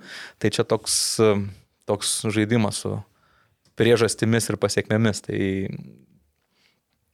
tuo metu buvo taip, o ginčio ekranas laimėjo. Tai. Martino dėka. Ne. ne, prisidėjom kažkiek, bet iš esmės tai... Bet pats jauties prie Slivkos karjeros vis tiek Ne, prisidėjo. Nebent aš, jeigu būčiau italą, tai įtikinęs ir sakęs, Kad ne, ne, šitas Ne, ne, bet žiūrėk, aš tai sakyčiau, kad esi. Nu, jisai, sakėjai, pradėjo mėtyti, kad va šitas vaikas geras. Tu jį Tai galėjai vis tiek pasakai, ne? kas toks. Aš, aš nuoširdžiai nežinojau. Kas... Ar jūs žinot visus penkiolikmečius vaikus ar šešiolikmečius, kurie žaidžia? Tai aš tikrai nežinau, žinau, kaip pripažįstu. Ir, ir Okay. nežinau, kiek ekraną žinau. Okay, Čia gal. Deimantų reikėtų paklausti to klausimą, kiek, kiek, kokią ateitį jie, jie jam piešia. Bet Mm. aš tik prisimenu, kad buvo labai iš italų pačioj pradžioje toks uh, skepticizmas, kad jie čia kažką ras, vadinkim tai. Nes uh, į ekraną buvo ant nuomos atvažiavęs e, iš Brešius toksai Adamo Fofana, greitas e, žaidėjas tokio pat vardo ir pavardės, kur dabar žalgis. Atsimenu. Tai Visai Tai žaidė- pato žaisdavo. buvo dar vartininkas atvažiavęs. vartininko Ne, argentinietis. Mm, Nesiminė, jisai buvo be, nu, be trijų pirštų. Nu, kojos. Bet čia labai seniai. Ai, čia ką- kokie ką- 2000, ne? Ką? Galvoju, vartininkas be trijų Ne, pirštų. ne, ne, be, taip, vartininkas. Be rankos? Ne, ne, kojos. Ai. O, Rūnai, čia ne ta kažkokia, kažkokia keista istorija girdėjau, kad Kur su kažkoks Porsche futbolininkas- važinėja pan panvežė. Ai, ne, kad Bet vienos, ant vienos kojos neturėjo trijų Ne, ne, nu, jis va- tokie buvo. Ta prasme, biški atsisprimui maišo iš tikrųjų. Nu, jis O tai- nebuvo, ten jis ne, ne pagrindinis. O buvo, kas jam buvo atsitikę? Nu, nu, nu, Kas- nu, nežinau, reikia- aš, ne, ne, nu, aš neklausiu, ar tai laikys, ta prasme, argentinietis, jo, bet ne, nu, Per darbų Ne, bet va, kažkodėl va dabar aš, aš atsiminiau ir, Nu, ir iš principo nesvartininkui atsis, atsispirinėti, ta prasme, Aha. nu, biški, nu, šuolis, aš manau, suprastė negu su pilna. Ir, Nu, jis tai- tai buvo. Bet čia labai seniai? Čia senai, čia 2000. Tie 2000-ieji 1999. Gal Kažkur. prisidirbęs kažką buvo. tiesiog. Nu, Nežinau, bet tu čia nuvizuoji. tai jo, jo, jo. Su tom sodininko žirklėm, kaip ir siaubė. Ir jam klubas tą a, pilką Porsche davė, jis pamanys su Porsche važinė. O koks Poršas buvo, aš tai... Tasai 958 ar koksai su to galu. Aha, tai aš įsivaizduoju, jeigu Danutė buvo, tai turėjo. vienas turėjo Nu, būti. tai tai tą tą ir davė. Jo, jo, jo. Aš, aš bijau su... Yra tekę važiuoti su juo, Rūlai. Ne, ne, aš esu matęs jį tik tai. Dabar jau ant- antikvariatas, bet tuo metu... Aš prisimenu, su matęs Arūnas atvažiuodavo treniruoti. Ne. Su kuo? Ne, tai sakė ne, tai aš jau O supratau. kas ne? Ne, A, ne. tai viskas. Tai viskas. Bet su gera Su, mašina. su golfu. Tai aišku, panežiau golfas. Gera mašina, vis tiek. Lažybos, lažybos, lažybos, OptiBet. Dalyvavimas azartiniuose lošimuose gali sukelti priklausomybę. Nu, čia gavosi toksai, ar ne, vos ne apie, apie tai, kaip dirba agentai, skautai ir panašiai. E, Tai kalbėjom ir prieš e, mūsų tinklalaidą, kad e, yra ar ne pokyčių, jau ir kažkurioje tinklalaidėje buvo Rūnas, man atrodo, užsiminęs, kad yra pokyčių tarp futbolo agentų. Tai gal galima apie tai kažką. Tai labai trumpai gal kažką jo, galima ko, pasakyt. kokie esminiai principai, nes, nes e, man teko šiek tiek su tai žmonėm, kurie užsijima agentavimu Lietuvoje kalbėti. Apie tuos pokyčius aš tiksliai irgi nežinau, kokie jie, bet iš jų, ką girdžiu, kad gali čia, nu, ta prasme, reikalingi tie kažkokie reglamentai, reikalingos kažkokios licenzijos, bet kad atsiranda daug vietos visokiom uh, užustalių machinacijom. Postalių labiau. Postalių jo machinacijom ir kitiem dalykam. Labai trumpai, esmė yra tokia, kad iki 2014 metų galiojo tokia sena FIFA licenzinė sistema, tai jeigu tu norėjai oficialų turėti agentą, tai jis turėjo turėti FIFA patvirtintą licenciją, jis ten išduodavo nacionalinės federacijos su FIFA priežiūra ir panašiai. O 2015 metais kažkodėl FIFA pasakė, kad ai mes paleidžiam rinką kaip nori taip daryti. Nu, aišku, buvo ten tam tikros taisyklės primtos, vadinosi tarpininkų taisyklės, bet iš esmės buvo vietiniam federacijom suteiktos teisę pasikoreguoti, kaip jiem atrodo tinkama ir dėl to atsirado labai daug skirtingų taisyklių, bet iš esmės, jeigu taip apibendrinant, tai tokia kaip ir palaida bala buvo. Ta prasme, kas norėjo, tas ir teikia tas paslaugas, kaip norėjo. Galėjo sėdėti už abiejų stalo pusių, iš trijų stalo pusių atstovauti keturis skirtingus asmenys vienoje transakcijoje ir panašiai. E, Visokių schemų buvo ir kažkurio metu FIFA pasakė, ai ne, grįžtam atgal į griežtą reguliavimą ir dabar e, nuo Gruodžio mėnesį buvo primtos naujos taisyklės, kurios pilnai jau įsigalios spalio mėnesį ir iš esmės grįžimas prie licenzijavimo sistemos, tai reiškia, kad agentas turi būti licenzijuotas. Tai tiem, kas turėjo iki 2014, iš esmės gali būti gražinamos tos licenzijos, tie, kas neturėjo, turi laikyti egzaminus, tai neseniai buvo egzaminai vedami, Lietuvoje irgi buvo laikančių žmonių ir išlaikiusių žmonių. Ir O- neišlaikiusių. Ir neišlaikysiu. O kokie, kas vyksta per patį egzaminą? Rūnas gal Iš esmės, tu te gauni testą, vadinamą multiple choice, kur yra vienas klausimas. ABC, ne. Ir, Ir kokie klausimai, pažiūrėjau? Mm, gali būti klausimai iš esmės iš FIFA statutų, bet daugiausia yra iš agentų taisyklių ir iš e, transferų taisyklių. Mhm. Tai aš mačiau, kad ten buvo FIFA paleidę projektą tokį kaip pasibandymų egzamino. Tai, Ket. nu, gaudom tokių dalykų, pavyzdžiui, kaip terminai, ten šeši mėnesiai prieš tris mėnesius ar du Okay. mėnesius. Nu, ta prasme, turi būti Manau, kokia nors ten praktinė užduotis dar, taip, aprašy, E, aprašyti. ne, tai kaip- Paruošk, paruošk kontraktą. Paruošk kontraktą. Tai problema yra ta, kad praktinę užduotį kažkam reikėtų vertinti, o niekas nenori to darbo. Jeigu kiek yra 5000 laikiusio egzaminą bendrai pasaulyje, ne? Jo, kažkur, aha. Jo, Okay. tai iš esmės, nu, tai daug patogiau testą padaryti, nes nu, testą kompiuteris paskaičiuos, matyti rezultatus ir bus Na, taip, taip. Vien Bet Arūn- 500 laikė. Arūnai minėjai Lietuvoje iki 10, ar ne? Buvo užsiregistravusių į kursus Aš- pačius. 9 registravus, 5 atėjo, 3 išlaikė. Tai nežinau, kas išlaikė, kas neišlaikė, bet... Tai Lietuvoje trys. dabar turėsim tris agentus. Taip iš Ne, ir, ir Yra dar kas žmonių, buvo kurie iki turėjo 14. Ai, kas kurie pasiėmė, kurie tai- tebeturi. Bet e, iš prin- esmė yra ne Lietuvoje turėsim, o licenzija tarptautinė ir tas pas lietuvis gali būti sėdėti Ispanijoje, nueiti į Ispanijos mm federaciją, Okay. nes vyko visoje toj. Mm. Ir, pavyzdžiui, Ispanijoje buvo 500. Nebūtinai žmonių. Lietuvoj, žodžiu. Taip, taip, taip, nebūtinai Lietuvoje. Tai netgi į Lietuvą, kiek žinau, liktai ir nebuvo ne visi lietuviai. O tai gerai, daugmaž kiek mes turim Lietuvoje dabar licenzijuotų agentų? Net jau va dabar ir mes. Dabar ir Matai, da- pasimatys, kiek Dabar, Dabar dabar matyti, aišku, ne? ne, tu, ne ne Lietuvoje, o lietuvių piliečių. Lie- lietuvių, taip, taip, piliečių, taip, tai viens, du, nu tai trys, jeigu kitur, nu. Iki dešimt? Buvo dar ne, anksčiau. mažiau, aš šią dieną mažiau, aš sakyčiau, gal Kad kaip. kai ir licencijos buvo, buvo tų žmonių, kurie turi licencijas, bet praktiškai veiklos nevykdo. Tai dabar, aišku, reikia suprasti, kad ta mūsų rinka nėra labai didelė ir daug erdvės daug nebus. Bet e, čia gal esminis dalykas dėl tų taisyklių, dėl ko pasaulyje šaršalas kilo, tai yra dėl to, kad taisyklės numato lubas, kiek agentas gali uždirbti nuo atlyginimo arba nuo a, sandorio. Ir tos Tai lubos. čia Mino rajolai. Na, Čia aš ir Liūdnos prasidėjo. dienos. Nu, to ir specialiai klausiau vieną renginį, nu, to renginio pranešimai ir konferenciniai pasisakymai buvo į podcastą sutraukti ir Londone vyko. Ir ten diskutavo agentai didieji. Mm, ir kažkas labai atvirai pasakė, kad uh, taisyklės naujos yra Gianni Infantino asmenis kerštas prieš pas, nu, paskutinis kerštas Mino Railai ir uždėjimas jam nasrų, nežinau, kaip apinas yra. Ir uh, yra tikrai labai reikšmingai ribojamas tas dydis, ką agentas gali uždirbti nuo transakcijos. Tai čia yra pagrindinis ginčių momentas ir a, yra tikrai judesio Europoje iš agentų pusės, kurie pro, po truputį bando klibinti tas taisyklės per, Ir jau duoda į įvairių šalių. mm, per tą prizmę, kad Gerai, tada gal pirmas klausimas. Kodėl iš vis reikia riboti tai? nu, FIFA paklausk. čia nežinau. Nu, gerai, bet tai jie turi kažkokią poziciją oficialią. oficialią. E, Jie, aišku, jie gali turėti poziciją, tarkim, nu, Nu, arba žiūrint, doktrinę. Žiūrint iš jų pusės, nu, jų, mes galim nu, paspekuliuoti. jų nuolatos būdavo mantra tokia kartojama, kad uh, neleiskim pinigam išeiti iš futbolo, kad laikykim pinigus futbolo šeimoje. Kad ir kas tai būtų. Ta prasme, bet koks uh, mokėjimas iš klubo kažkam tai į, kas nėra susijęs su, nežinau, su, su tuo, ką reguliuoja FIFA, yra išėjimas iš, iš maždaug iš, iš futbolo šeimos.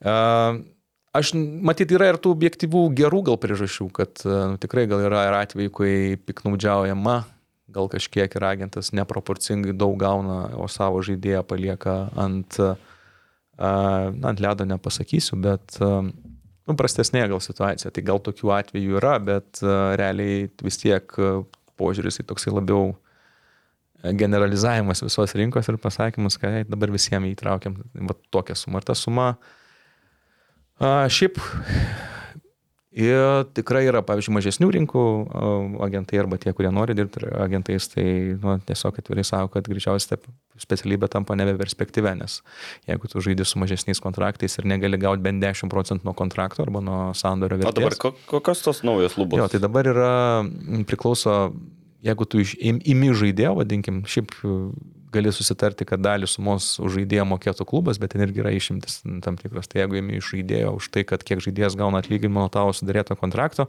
jeigu žaidėjo metinis atlyginimas yra nedidesnis negu 200 tūkstančių JAV dolerių gros, tai ta prasme, ant, ant, ant popieriaus, lietuviškai vadintume, tai tokiu atveju yra 3 procentai, gali pretenduoti 3 procentus. Tuo tarpu, jeigu... Iki 200 tūkstančių. Atsiprašau, 5 procentai. Jeigu virš, tada yra Tris. 3 procentai. Virš 200 tūkstančių 3 procentai. Taip. Ir kitas dalykas yra toks, kad... Tai čia labai maži pinigai. Nu, iš esmės, jeigu 10 procentų būdavo standartas, arba va, krepšinis 10 procentų yra visiškas standartas, Jo. tai faktas, kad nuo standarto einama žemyn, yra galima, pavyzdžiui, tam tikrai atvejai, kada žaidėjas, agentas gali atstovauti tiek žaidėją, tiek ir klubą, bet ten reikia labai aiškiai susitarti, kad išvengtum interesų konflikto. Ir mm, tada tokiu atveju gali bendrai, ta bendra suma gali būti 10 procentų. Bet uh, Bet, pavyzdžiui, yra tokie ribojimai, kad žaidė, agentas negali atstovauti žaidėjo ir paleidžiančio klubo. Pavyzdžiui, aš turiu žaidėją, jis žaidžia, tarkim, nežinau, Sūduvoje ir aš randu pirkėją ir sakau, va, žiūrėkit, ateina pirkėjas ir, ir aš Sūduvą atstovauju ir Sūduvai gerai ir nuo Sūduvos pasiemu ir panašiai. E, tai tokių dalykų nebeleidžia. Matyt, neleidžia dėl to, kad, e, nu, manoma, kad jeigu tu atstovauji dabartinį žaidėjo klubą, tu būsi suinteresuotas, kad tas žaidėjas išeitų iš to klubo ir tai yra čia šitoje vietoje pradedi baksnuoti šventąją FIFA karvę, vadinamą kontraktų stabilumas.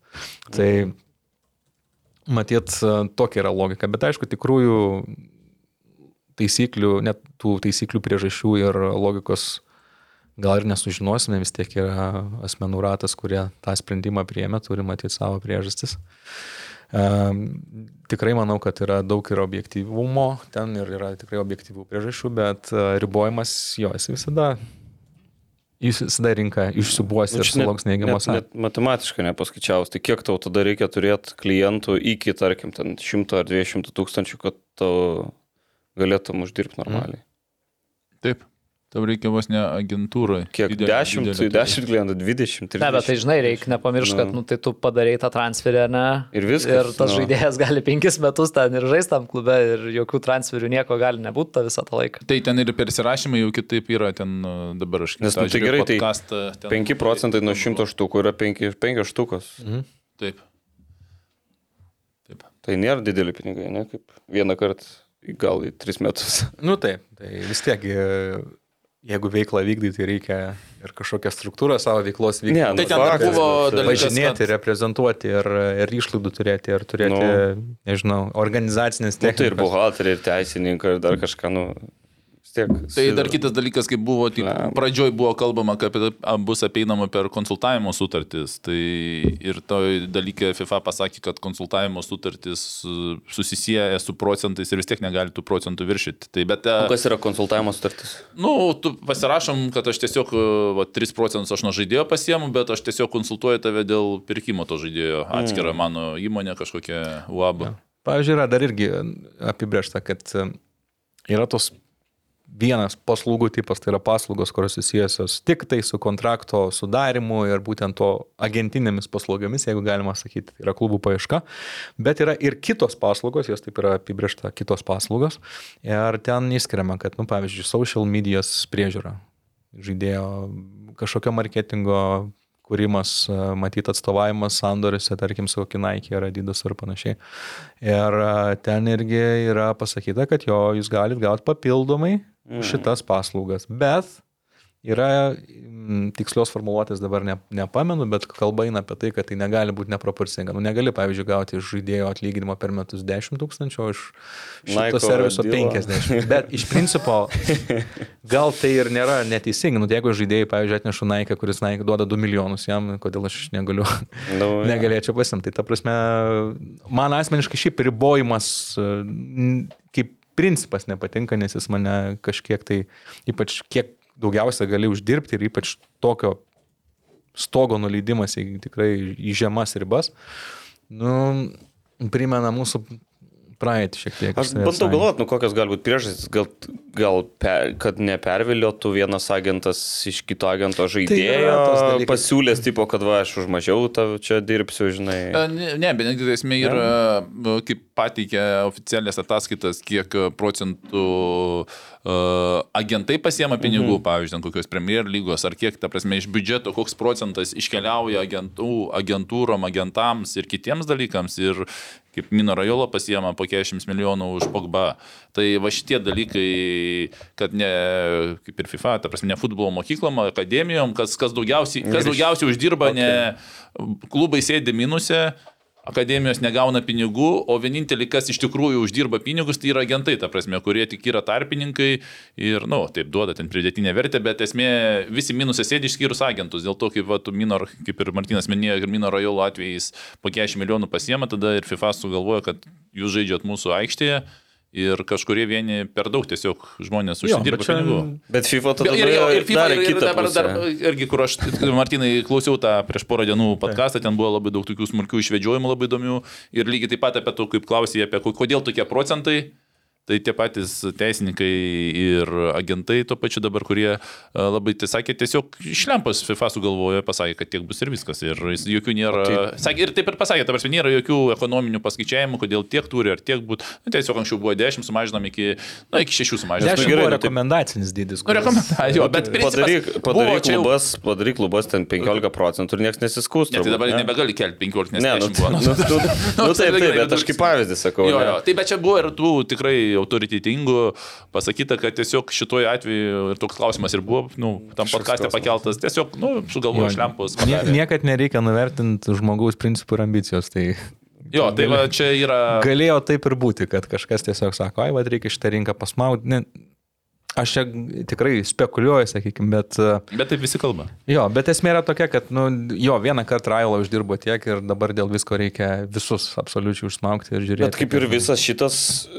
turbūt, kad į naudą labiau gal yra didelėms agentūroms. Nu, didelės agentūros, matyt, kaip ir didesni verslai galbūt turi resursų ir patirties kaip tokio, nežinau, ar kriziniai situacijai, bet adaptuotis greičiau, surasti kažkokių sprendimų, Nes... a, schemų pavadinkim, kas mm. šitoje vietoje tikrai yra pavojinga, ypač a, turint galvoje, kad FIFA tikrai taikysis ir ieškos tų pirmųjų krekžių, kurios bandys ten, kaip a, pats sakai, po stalų kažką daryti. Ir matyt, norės kaip pavyzdį tikrai iškelti ir visiems parodyti, kaip mes dorojame su, su va, tokiais pažydėjais. Tai bet koks ten bandymas kažkaip išpūsti, sakykime, tų papildomų paslaugų dydį ir panašiai, tai nu, gali duoti rezultatą tokį, kad Bet vienu principu, ką va, iš futbolininkų pusės aš galiu pasakyti, kai, kad tas dalykas e, palengvina situaciją, nes, e, pavyzdžiui, futbolininkai kiek kreipiasi ir tenka žiūrėti tų kontraktus tikrinti su agentais. Nu, ten būna visokių facebookinių, instagraminių agentų, kur e, Jonas prašo pasirašyti autorizaciją, nežinau, į Iraną. Ir tu nei tu žinai, kas tenais toksai yra, o dabar realiai nuo spalio pirmos dienos futbolininkas neturės teisės pasirašyti kontrakto su žmogumis, kuris, kuris neturi FIFA licencijos. Tai Nesvarbu, kur šitoj- gauta. Šitoj vietoj futbolininkams okay, logiška. labai logiška. Sakyčiau, čia logiška. Futbolininkai parašo iš, da- dažnai rašo iš tų socialinių tinklų, prašau atsiųsk.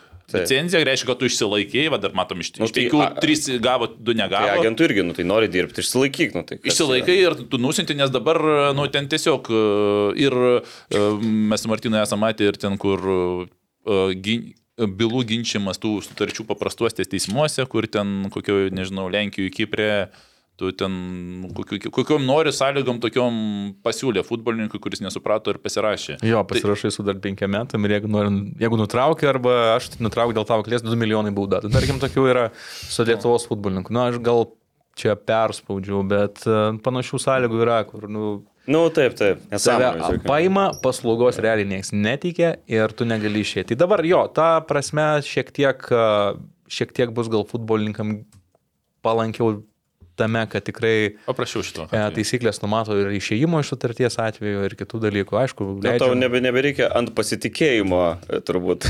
Bet ir šiaip dabar paskutiniu metu, gal, nu tas paskutiniu metu, tai nežinau, čia kokie 6-7 metai, e, tai šiek tiek pasikeitė ta prasme rinka, kai anksčiau būdavo populiaru turėti, tarkim, vieną agentą ten kažkokiam ilgam laikotarpiu ir ten, ten 10, 10 metų ne, ne būdavo ir tada ribojamas, bet a, tai va, kai atsirado tas tarpininko era, tai kai panaikino licenzijas, labai populiaru tapo duoti, vadinkime, autorizaciją konkrečiai rinkai, konkrečiam laikotarpiu. Pavyzdžiui, nu, rask man klubą Lenkijoje per mėnesį. Viskas. Tik tam. O kitam ateini duodi, rask man klubą Izraelį per du mėnesius. Ir va, taip apriboji, paskirstai ir gal kažkas duos. Bet man pasakojo žmonės, kurie klubuose dirba, tai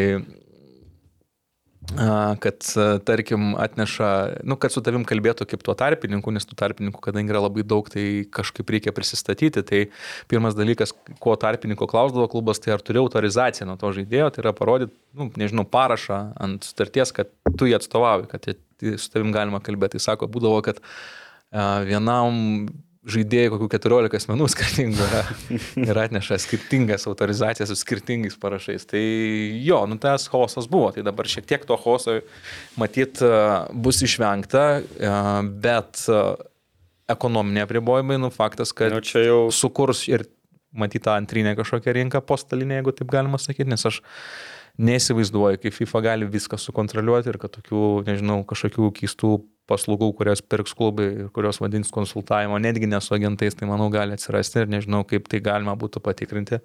Matyt, e, per licenzijavimo reikalavimus ir kito dalyko niekas ne, nežiūrės. Tai jo, taisyklių pokytis, jeigu ir buvo ten geras noras, gerų norų grįstas, e, bet e, manau, kad tas kepas vadinamas įvestas, tai tikrai čia problemų sukurs ir tikrai jas išsibuos ir nebus aišku, Bet tai- kokią žaidimo taisyklę Tai žaisti. turbūt iš vis net neįmanoma riboti niekaip, ne tada. Nu, Ne, bet ne tik tai, manom, ta prasme, įstatymai riboja. Tiesiog Ne, visą taip- laiką atsiranda tasai, bet... taip, taip. e, Kol prigau, kitas vėl dalykas, kaip susiginčys, labai paprastas, va, vėl paprastas atvejis, ta prasme, susitarė agentas su žaidėju, kad žaidėjas nuo savų duos, atveš e, į degalinę ir perduos pinigus. Mhm. Nu, paprastas schema. Nu. Moki tris ir dar atveži degalinę tuos. Bet kažkada būna, kad susi, susipyksta agentas su futbolininku arba atsiranda kiti interesai. Tai tiesiog futbolininkas turės teisę nebevežti degalinę pinigų. Mm. Arba pasakyti apie kažkokį, ne, kaip čia, ne, nešvarų agento žaidimą kažkur į FIFA ar kažkur, ta prasme. Mhm. Tai šitoj vietoj tu prisėmė riziką, kaip, kaip pažeidinėjai įstatymus, tu prisėmė riziką, kad į degalinę gal pinigų galėsi vieną mėnesį nebevežti agentui, jeigu jis grybą užpjovė. Arba priduoti jį gali. Arba priduoti. Tai va čia riziką prisėmė ir agentas, ir futbolininkas, sakykime, toj vietoj, bet didesnė agentas, nes jeigu agentą prigaus nelegaliai, jam gali atimti licenciją. Tai licenzijos atimimas agentui tikrai yra didelė bausmė ir tu negalėsi niekada, ne tai ne kaip čia, prisistatinėti jų ir klubui, kad tu esi licencijuotas agentas. Tai, tai bandymas apriboti, bet kaip ir žinome, tie atnaujinimai į FIFA išeina kas pusę metų, kas metai ir tu FIFA seka tuos visus dalykus. Ir, tai čia, jeigu primė tą, tai nereiškia, kad už 10 metų taip gyveni. Ne, tai taip, taip. Sėdi Martinai, aš kažkaip panašiai. Teisingai, šiaip bendras klausimas, e, kurį kartais užduodam ten kokiam pažįstamėm iš, tarkim, Junktinės karalystės, tai kaip ta rinka reaguos, ką čia darys, ar čia tikrai vat, maždaug visi žais pagal taisyklės. Tai labai aiškus atsakymo nėra. Nu, prasme, faktas, kad e, kažkas kažkaip jau galvoja. Kažkas gaudys, kažkas apgaudinės. Bet tai yra proga ir sąžiningiam paslaugų tiekėjam, kurie visiškai žais pagal taisyklės, kol jos tokios bus. Tai, tai nereikia nusivilti ir žaidėjim taip pat matyt tų paslaugų tiekėjų atsiras ir žaidėjim iš to išeis nauda. O, o tie kepai gali būti ir kad pakils paskui, galbūt Nu, net laikys spaudimą ir kažkaip jos užkels. Nu jo, čia galima, žinai, išnekėti ir išnekėti. OptiBet, lošimo automatai, OptiBet. Dalyvavimas azartiniuose lošimuose gali sukelti priklausomybę. Galim dar vieną temą Nu. pa- pagvildent. E, Visai neseniai čia pasirodė Brazilijos žiniasklaidoje, kad riterių polėjas Natanas Palafozas yra įsivėlęs į lažybų skandalą, kad ten neva jau ir pinigai į sąskaitą buvo įkritę už tai, kad gautų rungtynėse geltoną kortelę. A, O kiek, nežinai? ne, ne, ne. 2300 ar kiek? 3000, man atrodo, vakar 3000 eurų ar kiek? kolegos e, skriejo kamuolį okei. šiek tiek. Jo, jo, tai rašė. Aptarinėjo. Tai kaip, Martinai, tokioj situacijoje reikia reaguoti? Riteriams? Nu, riteriai, okei. Nu, pavyzdžiui. Nu, pavyzdžiui, riteriams, nu. Jie sureagavo, jie paskelbė, išplatino savo raštą. Jo, jo. O ką, ką jie tiksliai parašė? Nu, Kad vyksta tyrimas Kad žinoma ir- situacija, kad pradėjom irgi Bet tyrimą. labai vidinį. gerai, kad sureagavo. Ne, Ne, tai jie turi, bet jeigu iš teisinės pusės. A, jo, aš tai gal pasinaudojęs progą dėl viso, ką šiandien pasakiau ir, ir tuo, ką dabar pasakysiu, atsakomybės. Neprisiemu atsakomybės. Bet nuoširdžiai neprisiemu, jeigu e, reikėtų tiksliau paaiškinimo, tai prašome kreiptis asmeniškai ir pateikti visus faktus, tad galėčiau pateikti jų gerą išvadą. Tai Viską, ką sakė Martinas, yra galimai. Jo, Ja, nu viskas tokia, taigi čia tokia diskusija, viskas ok, nu. Taip, viskas tvarko. Tai aš pagal tai, ką mačiau, tai mačiau straipsnį ir girdėjau vakar a, skrieja kamuolys. Uh, ir aš kaip suprantu, Ritelį tai suspendavo, jeigu teisingai supratau. Bent jau tam pranešime, tai berots. Jo, bet esmė, nerašė, kad jį, nu, nu, kaip čia, išmestų ir nutraukti kontraktą reikia oficialaus tyrimo ir išvados. Teisingai. Čia yra du momentai susiję. Tai pirmas momentas yra, kaip žaidėjo elgesi įvertins ten Brazilijos institucijos ir kokią sankciją duos. Ir ar duos, nes jeigu duoda sankciją, tai labai tikėtina, kad ta sankcija persimės ir, ir į LFF duomenų bazės ir tas žaidėjas negalės žaisti. Tai čia pirmas momentas.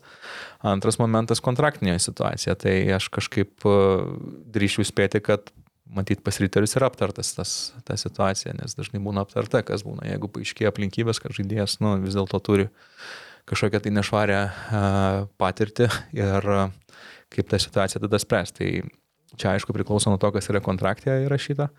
Priklausomai nuo pažeidimo sunkumo ar nesunkumo, nu, matyt, galima ir pagal FIFA praktiką pažiūrėti kažką, ar, ar tai yra pakankamas pagrindas nutraukti sutartį. Aš kažkaip drįščiau galvoti, kad e, tie pažeidimai susiję su rungtynių integralumu, manipulacija, tai tikrai yra patys žiauriausi šalia dopingo pažeidimai, kurie nuleidžia žaidėjo elgesį ten kritiškai vertinti. Bet sakau, labai daug priklauso nuo to, nu, kokia yra reali situacija, nes mes vis tiek turim tik tai nuotrupas tam tikras ir tai, kaip yra kontraktas sutvarkytas ryterių. Ne, bet dabar matau, buvau šitą praleidęs. Yra net ir interviu padarytas jau su Natanu skaičiau, jo. Palafozu. Tai Tai jis aiškino, kad prigodinėja taip. jo, ir jis aiškina, kad e, iškart gražino tos pinigus. Nu, Čia gera versija, kur. Nu, aš nežinau, ta prasme, čia, čia Ta prasme, papasakojo. Ne, sako, kad Brazilijai prigodinėja, perveda ir sako, tu uždirbo, jis sako, aš nenorėjau, čia tau automatiškai pervedė, bet iš kur tą sąskaitą sužinojo. Čia ta graži versija padaryta. Ta prasme, nu, ne versija, ta prasme, Bet čia, žinai, toks- Istorija tikrai. Bet čia, žinai, toks yra, kur tau tipo pervedė pinigus, kad tu gautum geltoną kortelę. Tu nenori jos gauti, bet, nu, gali netyčia gauti. Nu, čia visai, sako, nes ta, ta, ta, Ne, nu rimtai, nu, ta prasme. Nu, taip, trūk- netyčia gauni, nu. Netyčia užkabinai ten koją, žinai, kaip Jo. būna, nu, va, Srebaliaus atvejis ten, kur prieš jį liktai pražanga turėtų būti šilta, bet jam duoda geltoną kortelę. Ir tu, tipo, Jo, tu prigauna ir, ta prasme, principas irgi yra tų visų grupuočių, va, prigavo, pervedė ir, nu, kaip ir netyčia, sakykim, jis nekaltas. Ir jis uždirbo geltoną kortelę. Nu. Ir po to tu, nu, šantažuojas, futbolininkus ir šan- šantažuoja, tai, ta prasme, tu viskas pervesti pinigai, tu uždirbai, ta prasme, nepadarysi antrą kartą, mes priduosim tave. Tai čia jau viskas, jau įvykis įvykęs, ta prasme. O ką Čia, daryti žaidėjai tokia? čia labai sunki situacija. Tai va, aš ir va ta istorija, kaip sakau, aš sukurta, bet galbūt ir iš tikrųjų tokio Brazilijoje tokie ir vyksta atvejai, ta prasme. Aišku, vėl klausimas, kaip sąskaitas sužinojo. Čia va, toksai, man toksai va, vienintelis, kuris man iš karto iškyla toks analizuojant mm. visą tą situaciją, iš kur tu sąskaitas sužinojo, kad tau Ir Revolut. Nes, nes tu mangi negali pervesti pinigų, va, taip iš niekur, ta prasme. Nu, į revoliutą galiu, jeigu turi revoliutą.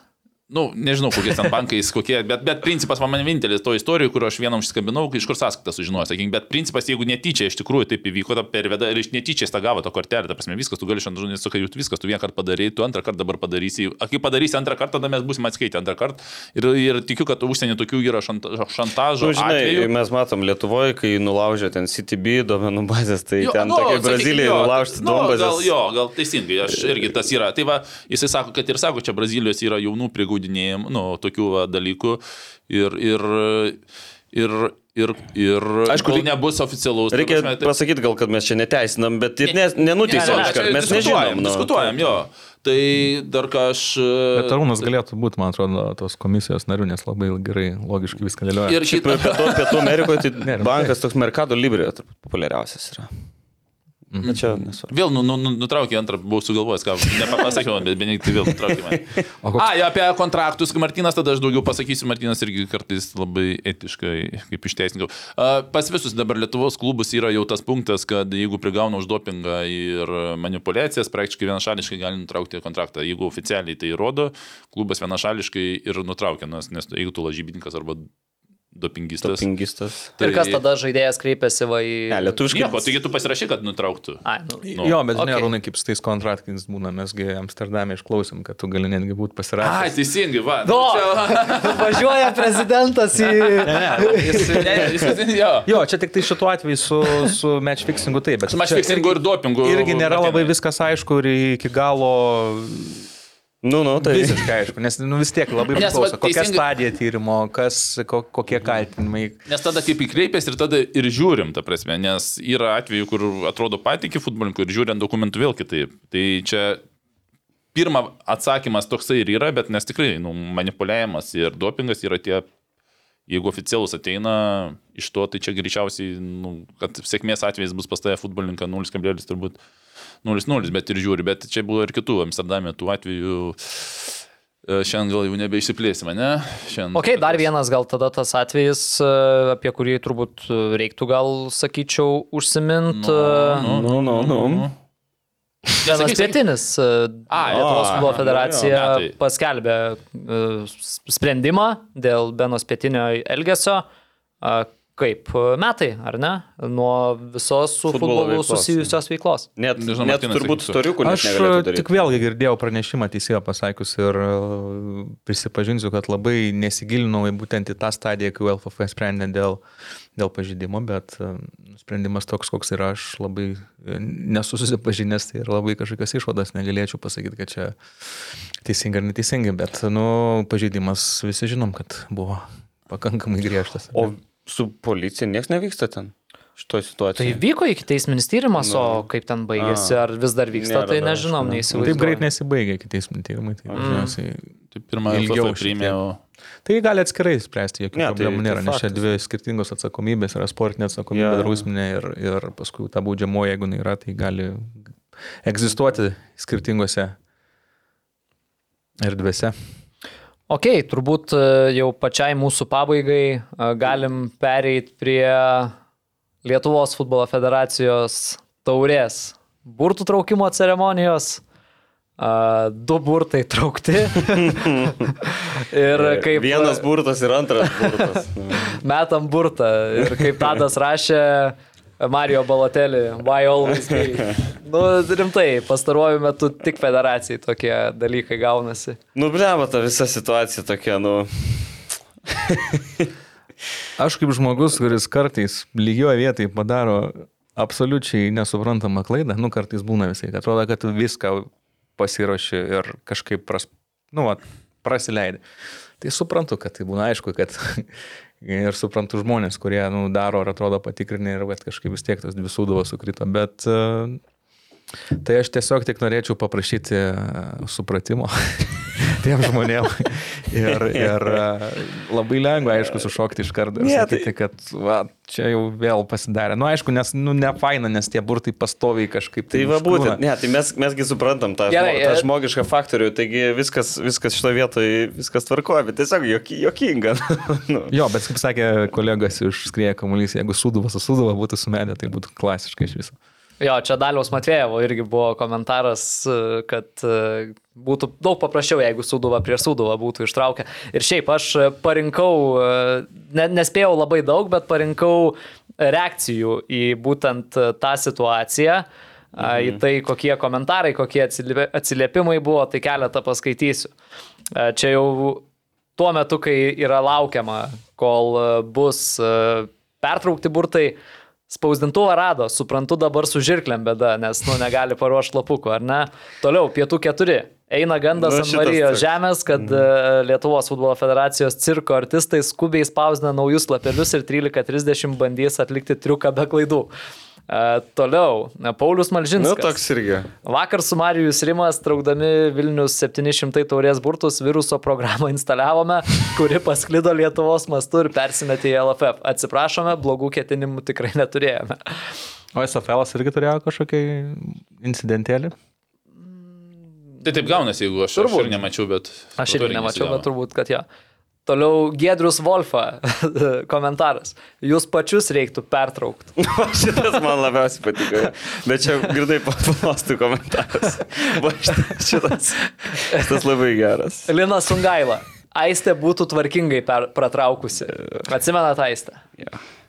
Nepamiršta man. Tai kabinoj. Taip. E, Mantas Arbanevičius. Gražinkit į federaciją Arūną iš Tauragės. Prie jo nebuvo tokių nesąmonių. Tai... Na, Ir tada... bet buvo. Tai buvo, ir Jokingiausia, prie- kad buvo. Nu ir tada dar vienas man patikęs, tai Robertas Veževičius, čia irgi žmogus, kuris podkasto studijoje yra lankęsis, tai dėjo komentarą, pats iš karto į tą komentarą replayino, dar papildė, tai paskaitysiu trumpai. Nežinau, kas čia už ką atsakingas, bet jei federacijoje žmogus negali ant lapukų surašyti 16 skirtingų komandų, tai nėra normalu. Labai dažnai jau kartojasi tie burtų pertraukimai taurės turnyre. Juk žinot, jog bus online. Klaidų kaip ir negali būti, tai parepetuokit, patikrinkit, sutikrinkit. Trys šauktukai. Ir vežas daug emodžių. Jo, jo, jo. O dabar atėjau, pratraukiau, oble, dvi suduvos, ką darom? Pertraukiam, neskanu. Vakaro žiniuose vėl futbolas gaus dėmesio tik ne iš gerosios pusės. Nes kažkas kažko nesužiūrėjo, žmogiškas faktorius. Ir dar buvo vienas komentaras, e, nu, nahu ir vėl. bet čia nežinau, kas reiškia, bet turėjo toks būti tikrai. O gal Suduvos antroji komanda pateko? Suduva B. Tarp kitko buvo toksai komentaras, tai gal čia Suduva A ir Suduva B, nu kur prieš sezoną ten Tai buvo. gal tikrai, gal tai būtų buvę lengviau išvartyti, negu iš naujo daryti. Jo, bet ar turėjai dalyvauja vienos komandos? Komandos. Oi, tai va, tokios, tokios reakcijos. Nu, linksmai šiaip, šiaip e, įdomiausia, kad vis tiek, net ir pertraukus burtus, iš tų 16 komandų dvi poros Bet- atitiko identiškai Viltis ir Telšių džiugas Ai, ne? ir Neptūnas prieš Sūduvą. Bet, nu, šiaip gal smagu, nu, vat, turim turinį, žinai, visą dieną galėjom kalbėti apie tai, nu. Tai apie taurę dar tada pabaigėme. Na, tai taurė, pabaigiam, e, kuri pora, kuri pora jum įdomiausia. Nu, tai žalgeriai gal, nu. Tai jo. Ar iš pirmų burtų, kuri pora įdomiausia? Ne, iš, iš, iš tų, kurie jau patvirtinti, užanspauduoti ir... Nu, tai tų, šita turbūt, jo, nu. Nu greitai galiu perbėgti per poras. Tai, e, nu, žalgeriai, žalgeriai negali būti neįdomiau. Mm. Nu, jo. Nu, gerai, Hegelman Riteriai dar. Hegelman dvi riteriai, komandos, Komandos, rusiškai pasakiau kažkaip. Komandos. Komanda X. Komanda. A, Viltis Džiugas, Kauno Žalgeris su Vilniaus Žalgeriu, navigatoriai su Transinvest, Bivonas prieš Čiaulius, Marijampolė City prieš Bangą, Neptūnas su Sūduva ir Klaipėdos FM ir Vilniaus BFA. Tokios, va, tai tos poros. Aštuntfinaliai, gegužės 23-24 arba 30-31, tai čia visai greitai jau, ne? Taip, taip.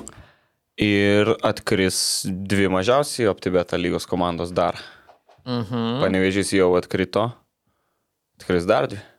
Tarp kitko, jūs praėjusioje tinklalaidėje nei vienas neužsiminėt, ką turi savo čia kalbėjom apie, čia, kadangi panevežį priminiai, nei kart nepaminėjot, bet čia toksai fan dalykas. Nu. Kaip fan dalykas, dabar labai keistai skamba fan dalykas, Nu, bet nu. manau vertas paminėjimo. e, kai Kauno Žalgiris žaidė su Panevežiu, tai čia dar šiek tiek seniau, a, buvo epizodas, kuriame vienas Kauno Žalgirio futbolininkas e, smūgio metu, smūgiodamas kamuolį, kamuoliu pataikė Sarpongų į veidą. A, aš galvoju, kad sar- bendravat. Ne, čia, čia nėra bairis. Sarpongas Tai matai, ir pametė dantis. E, Ai, rimtai ten reikėjo išmu- dantis? Smūgis išmušė žaidėjų dantis. Jeiba. Ir ten vaizdo, nu, rungtynių transliacijoje matosi, vartininkas surenka dantis ir paduoda komandos gydytojui. Auksinis? Nežinau. Nu čia, nu gerai, nu čia žiauru, bet nu biški ir jokinga, nesakyti komiška situacija. Nu kaip, Nu, nu, kaip e, komedijai kokiam kažkiek. Nes aš tikrai galvoju, kad jūs juokaujat apie dėl Ne, ne, ne, ne. ne dėl čia- to krepšinio kontraktus yra įprasta aptarti dantų priežiūros klausimus. O ne? Nes matyti yra dažniau pasitaiko, nepaisant to, kad apsauginė guma. Tai o... bus pamoka ir futbolo klubams ir žaidėjams. Tikrai, teisingai, geras, geras kampas. Lažybos, lažybos, lažybos, OptiBet. Dalyvavimas azartiniuose lošimuose gali sukelti priklausomybę. Galim dar tada ir per lygą, turim dar apie 15 minučių. Davai, tai greitai. Labai trumpai galim, Martinas irgi gal kažką. Aš palinksėsiu. palinksės, gal kažką pridurs. Uh, 13 turas praužė, Nu. dar labiau uh, tas lyderių trejetas su Panevežiu, Žalgiriu ir Šiauliais atitrūko nuo likusių komandų. Uh, kas jums iš šito turo Nu tai Dainavos pergalė. labiausiai užstrigo? E, Kaip ten buvo ta daina? Argentina, Jamaika. Nori. tai čia taip ir baigėsi, nu, Dainava riteriai, pet 0, nu, šitas. Šiaip iš, iš tų tai, bet e, rungtynės, aš manau, tokios laukiamos ir įdomios buvo Vilnių Žalgiris, Kauno. Žalgiris vis dėlto ir aš, kaip ir žiūrėjau, Lukas čia norėjo anksčiau baigti, aš galvoju, kad čia ruošiausi, ruošiausi.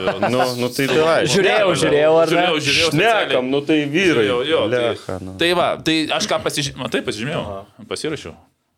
Tai va, tai Nu, aš Arūnai. jo, aha. Pirma, pirmas dalykas, e, ką apie tą LFF stadioną, nes pradžioje ten buvo ir paslydimų, ir geltonų kortelių.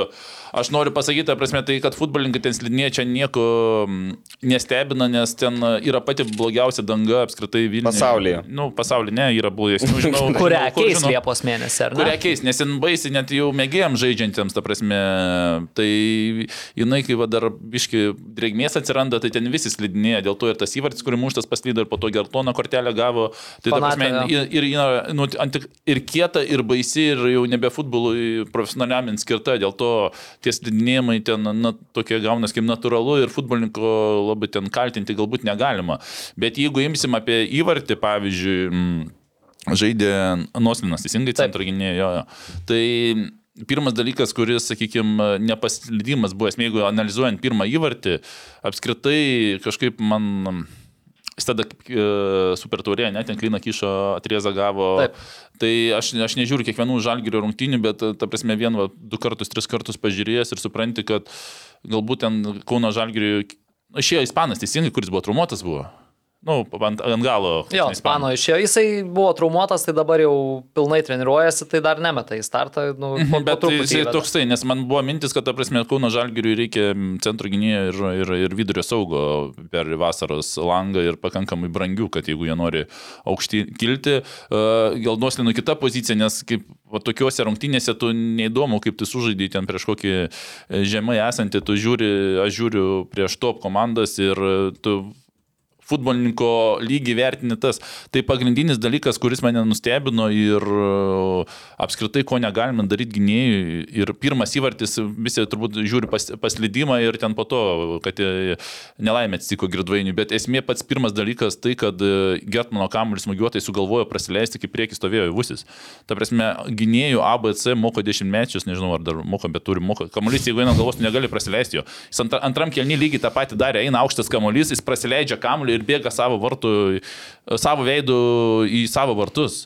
Ta prasme, čia viskas, dar aukštesnio lygio komandų sėdė ant suolo ir laukia savo pusę metų eilės. Ta prasme, man keista, ta prasme, jo, jis čia neatsitiktinumas buvo, kad jis praleido kamuolį, antram kelnys lygiai tą patį padarė. Ta prasme, nu, treneris gal pasakė, sakykime, bet pats principas tas, kad va, tu pažiūrėjo dvi varžybas, vieną kartą bandė kliną kiškį, dar ne, nepataikė, dar paslydo. Paslydimas aš net neskaitau klaid, kaip klaida. Klaida buvo jis tai, kad sugalvojo praleisti kamuolį Vytis ir Oivusis kaip už nugaros bėga. Ta prasme, kaip gynėjas žino, kad Oivusis už nugaros, tai kuo greičiau kamuolį muš, nes Oivusis gali būti, kad greitesnis už dažniausiai už gynėją bus. Tai mane uh, pirmas va, tas va, dalykas, sakykime, labai nepatiko ir viskas, aš dvi rungtynės pažiūrėjau ir viskas, jis man kaip centro gynėjas. Nurašyta. nebet- Ir viskas, jo, taip, taip, ir viskas, ta prasme, jis netinka kaip centro gynėjas, jis nėra patikimas, dvi rungtynės, kurios žiūrėjau du įvarčiai. Netgi prie to antro, aš prie antro, va, dar ne du įvarčiai. Antrą, kur praleido, ten, ten jo zona, kur Golubitskas gavo kamuolį. Mm. Ta prasme, jam reikia daryti centro gynėjas. Antras tas įvartis kaip FIFA žaidžiant tokias mūsų. Jo, ne, jis Golubitskas jam, jam sumaišė, aš paskui tris kartus žiūrėjau tą momentą, jam sumaišė tai, kad uh, Golubitskas iš nuošalės išeidinėjo ir ėjo į tą zoną, kur gavo kamuolį. Nes jis kaip ir stovėjo su žmogum, bet, nu, gynėjų kaklas duotas ne tai, kad galvą laikyti, o kad sukioti, ta prasme, žiūrėti, kas vyksta aplink. Ta prasme, tai... Kad lapų Jo, jo, neprikristų. nu, kad lapų, jo. tai iš principo, ta prasme, Golubitskas prieki praeina į laisvą zoną ir toj zonai būna. Jis su savo žmogum grįžta, nes Golbitskas buvo prieki ir Golbitskas ten gavo gerą perdavimą ir ten jau, ten jau kraštinių gynėjų vartininko ten nebėra ko kaltinti, nes ten tiesiog e, jau tas kamuolys ir jėda link savo vartų, ten maksimum ką į savo vartus galima už. Tai va, va tie du momentai, nu tokie, ir tu sak, supranti, kad kaip centro gynėjas, nu, reikia kažkur krašte ieškoti, galbūt jos kraštinis ar ilgai ir centro labiau. Kaip- Jisai vidurio. Jis vidurio skaito, bet jis žaidė ir krašte liktai, ne? Statydavo, bet labai retai. Nu, matai, tarp trijų vidurio gynėjų žaisdavo. A, tarp trijų, jo. Tai Jo. kaip trys dar vienas kitą pasaugo, dar kai kurie dalykai užsitušuoja, sakykime. Nes prie Mariaus Tankievičiaus pasikeitė taktinė schema. Jo, tai- Vietoj penkių gynėjų Keturi keturiai gynėjai. Jo, žaidžia. tai ir per daug jisai dapkui, man manimo, atiduoda, tai prasme, kaip laisvą zoną matai, turėtų nutraukti, o ten paskui dapkui atiduodi, atiduodi, atiduodi ir jis presinguoja. Po to, ką aš dar pasižymėjau, dar čia daug tučių prisižymėjau apie transferą pasakiau.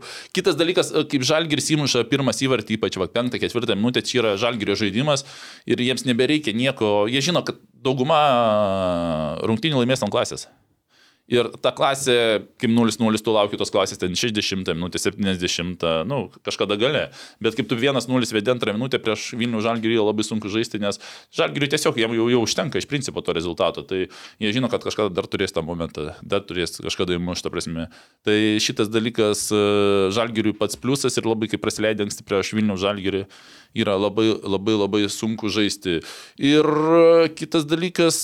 Uh, man pasirodė, kad per daug gal žaidinėjama, čia komentatoriai labai daug sakė, bet ir man, uh, aš per televiziją žiūrėjau rinkinės, kad nu, pirmoji zonui ten per labai daug kamolių, nes realiai gynėjai daugiausiai perdavimų atliko Kauno Žalgiryje. Bet tai čia jau kiek, Ir- ke, tri, tris sezonus turbūt. Jo, Tokios bet, tendencijos bet, taip, bet, bet kitas nu, dalykas, ta prasme, kiek tu atlieki perdavimą toj trečioje arba kiek sukuri. Mm. Tai galbūt, sakyčiau, aš dabar ne tai Vilnius, bet gal ir visi ten kažkaip daug tų labai užsikoncentruoja ant tų gynėjų.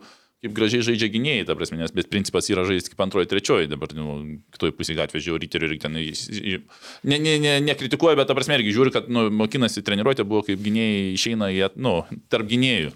Bet, nu, Ne iš nu, bet ne, bet, sakau, čia yra tik dalis treniruotės, kur aš mačiau, ta prasme, ta prasme reikalinga, bet pats pagrindinis dalykas yra kaip nu, nuo saugų iki tą. Saugai turi daugiausiai perdavimų atlikinėti, nes atraminis ir vidurio saugai turi daugiausiai perdavimų. Nu, anksčiau dar būdavo tie popieriniai, e, tie mm, versijos dar instatų nebuvo. Mano laikais, ta prasme, tai, nu, kaip pavyzdžiui, Maskvo dinamo, ta prasme, būdavo po rungtynių pakabintas, per naktį treneris suskaičiuodavo, kas kiek atliko. Ir tie sukabina, sukabinant, ateini ir sukabina tau kokie aštuoni parametrai, su tušinuku surašyti, ten statodė nebuvo, per naktį. O kas buvo maždaug? Kokie? Uh, perdavimai, Bandymai. kiek prisilietimų, jo, ten kokie aštuoni buvo. Ir nu, tu žiūrėdavai, kiek sudalyvavai momentų. Mhm. Tai, tai tu vid- vidury saugios, kas žaisdavo, ta prasme, nu, ten nebūdavo tokių rungtynių, kad gynėjas aplenktų, nu, vienetiniais atvejais gynėjas, kad pa- padarytų daugiau negu atraminis saugas ir saugai perdavimų. Ta prasme, nebūdavo, ta prasme, tu žiūri, kad tarp gynėjų nebūtum pastinis, aš žiūrėdavau vis, nu, kad, kad nebūtų pastatę ten 30 kokių, ten kokių dvikovų, ten 40, o tie būdavo virš, būdavo virš virš 100, ten skaičiuodavo 90, ten, va, taip, vidurio saugas, aš ta- tarp 80-90, gynėjas aš 60 tik tai būdavo. Tai va, žiūrėdavau, žiūrėdavau, kad tarp gynėjų tiesiog pastinis nebūdavo, ne, ne, ne, nesvajodavau, kad aplenksi saugus. O dabar daugumai komandų gynėjai daugiausiai padaro ir saugai lieka tokie, nu, gal ir man duos perdavimą. Tai jau... Jie gynėjai Aš- kūrė. aš taip kūrėjai- dažniausiai kūrėjai, žaidžiu gynėjai- futbolą, gal- Gynėjai kūrėjai. gal dabar- ir dabar, Mandos. dabar dauguma gynėjai kūrėjai, ta prasme, tai ne gynėjai turi būti kūrėjai, o saugai turi būti kūrėjai. Tai va, tai čia dar kažką neaiškiai pasirašiau, nebesprantu.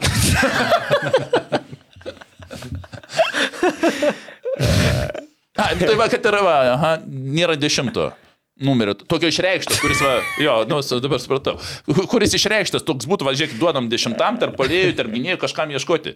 Ta prasme, kartais tokie momentai, aš sakyčiau, būdavo, kaip va, Juventus žaisdavo, yra kažkuriam nuotraukų, kur visi ratus sustoja ir vidury nieko nėra, ir kur kritikuodavo Allegri. Ta prasme, niekas nenori, visi, visi nori kojas, duok visi man kojas. Ta prasme, pirmam kelniui to ir trūko, iš tikrųjų, Kauno Žalgiriui kritimų į zonas ilgesnių, o visi atbėga prie gynėjo, duok man. Ir tu bėg atsidengti. Saugas atbėga gynėjai, duok man, bėg atsidengti. Polėjas žiūri į veidą į centro gynėją ir niekas nesugalvoja už zonos, kirsti ir ilgesnį. Tai va tokio, va, tokio dešimto, kur va, prisimtų va, vidury kažką, tokio dešimto numerio ne kaip pavardės, bet dešimto kaip pozicijos. Ta prasme, tokios išreikštos, kur va, duokit man perdavimą, aš bandysiu dabar ieškoti saugų ar polėjo. Tai gavas pirmam kilny, kad gynėjai kuriejai gavosi. Tai, tai va kaip kažkaip ir viskas. Gerai, pabaigai dar. e, O kaip galvojat, e, riterių trenerių čia buvo paskutinės rungtynės ar dar ne? Ne, treniravo. A, dar vis tebėra, ne? Jo, jo. Okay. Dar ką galima tada trumpai paminėti, banga eilinį kartą įveikia telšių džiugą. Tai tik tokas bangos labai geras, dabar irgi tokios aktualijos, nesenai karūnuotas e, Anglijos karalius. Sveikinimai. Tai paim, paimtas tas momentas karūnavimo ir e, tipo telšių džiugo komanda karūną uždeda, ant kurios yra Žemaitijos herbas. Oi. Uždeda ant bangos neva karaliaus. O čia skaudus, čia skaudus. tokį, tokį žemaitišką. Bet banga žiūrėk gerai daro. Dvi su džiugu laimėjo, vienas su Dau, vienas su Dainava ramiai savo. savo e, šitą. Afonso taip ir sakė. Laimėm prieš savo varžovus. Arūnas kompiuterį jau užvertė, o tai apie, Panevėžį. apie brolio komandos Nu. kluptelėjimą prieš Suduvą, kas papasakos. Tai aš papasakosiu. Nu, davai. Uh, Ne, tai iš principo mes suprantam, kad dabar yra jau kiek čia, nuo čempionato pradžios prabėgo 13 3-4 mėnesiais, mėnesiais, ne. Ai, Kiek čia? nu. Kiek? Kovas, balandis, gegužė. 3 du su puse. 2,5 pusė, ne tik tai. Taip. A, nebetinka. Dabar Aha, reikia naujo atmato. Kiek rungtynių prabėgo? 13. A, nu, va, 13. Tai ne, iš principo. 13 dega. Es, esmė, ką ir praeitais metais sakiau jo, kad ne, e, esmė krizį neišbūti ilgą laiką. Jin visą laiką bus, bet kokiu atveju netgi bus dvi, pas kai kurias komandos ir keturios būna. Bet esmė išbūti ten dvi, tris rungtynes ir vėl atsigauti. Nes jeigu ir, ir, ir Latierė sakė, kad nu, trumpas soliukas, tai čia ir mes. Letieri, sakėm- Letieri po rungtynių labai gerai pasakė e, tą interviu. E, užsirašiau net. Today we play very, very bad. We start bad, we finish bad. We not play soccer. Mhm. Nu, Tai svarbu vėlgi ant tų žodžių neužsisėdėti. Ir nu, krizės jos visą laiką būna, niekur nepabėgsi. Blogos krizės, kai du mėnesiai krizės, bet kai du, trys turai, tai čia kiekviena komanda turės. Žalgiris pradžioj turėjo, panežys dabar turės, turi. Tai svarbu iš jos išeiti, nes dabar tas taškų, Nes dabar komandų trijų tai pakankamai didelis, tiesiog e, panikos nekelti ir neužsėdėti krizį du mėnesius. Nes kitos panežė rungtynės su šiauliais. Ir žinai, tose varungtynėse su Suduva, kurios baigės 0-0, Pijus Širvys gavo traumą, a, Mirošnikas irgi gavo traumą. Tai, Tai čia mes ir kalbėjome, jau, kad jau, suolelis jau ir taip tas trumpas, suolas jo. ganėtinai trumpas, bet jau teko girdėti, kad jau yra atvežtų naujų žaidėjų. Vienas Mhm. iš jų yra iš Ganos. Mhm. Tai Gali būti, gal jis taps išganimu. Galbūt. O Tomičius jau žaidžia? E, Už B komandą mačiau kažkiek Ane? sužaidė, bet... Kas jam yra? Nežinau, neįsi... nenukonkuruoja Lino Klimavičius. Ane? Gal baigim laidą tiesiog. Baigim laidą. Ačiū Martynui, labai Martynui. daug. Martynai, labai. Martynai, Ačiū tau. Už kantrybę ir išklausimą. Ne, nu, ačiū. Tikrai. Išeini į svečių lyderių top pirmą vietą. Buvo labai kiti- smagu. Kiti vysis. E, o jeigu, prasme tai. jeigu kam nors e, toj čia dalykų, kur Martinas pasako, jeigu kilo kokiu nors dar klausimu, tai rašykit komentaruose, Martinas atsakys jums asmeniškai. Už atitinkamą ne. Ačiū Drąsiai, iki kitų kartų. Adijos.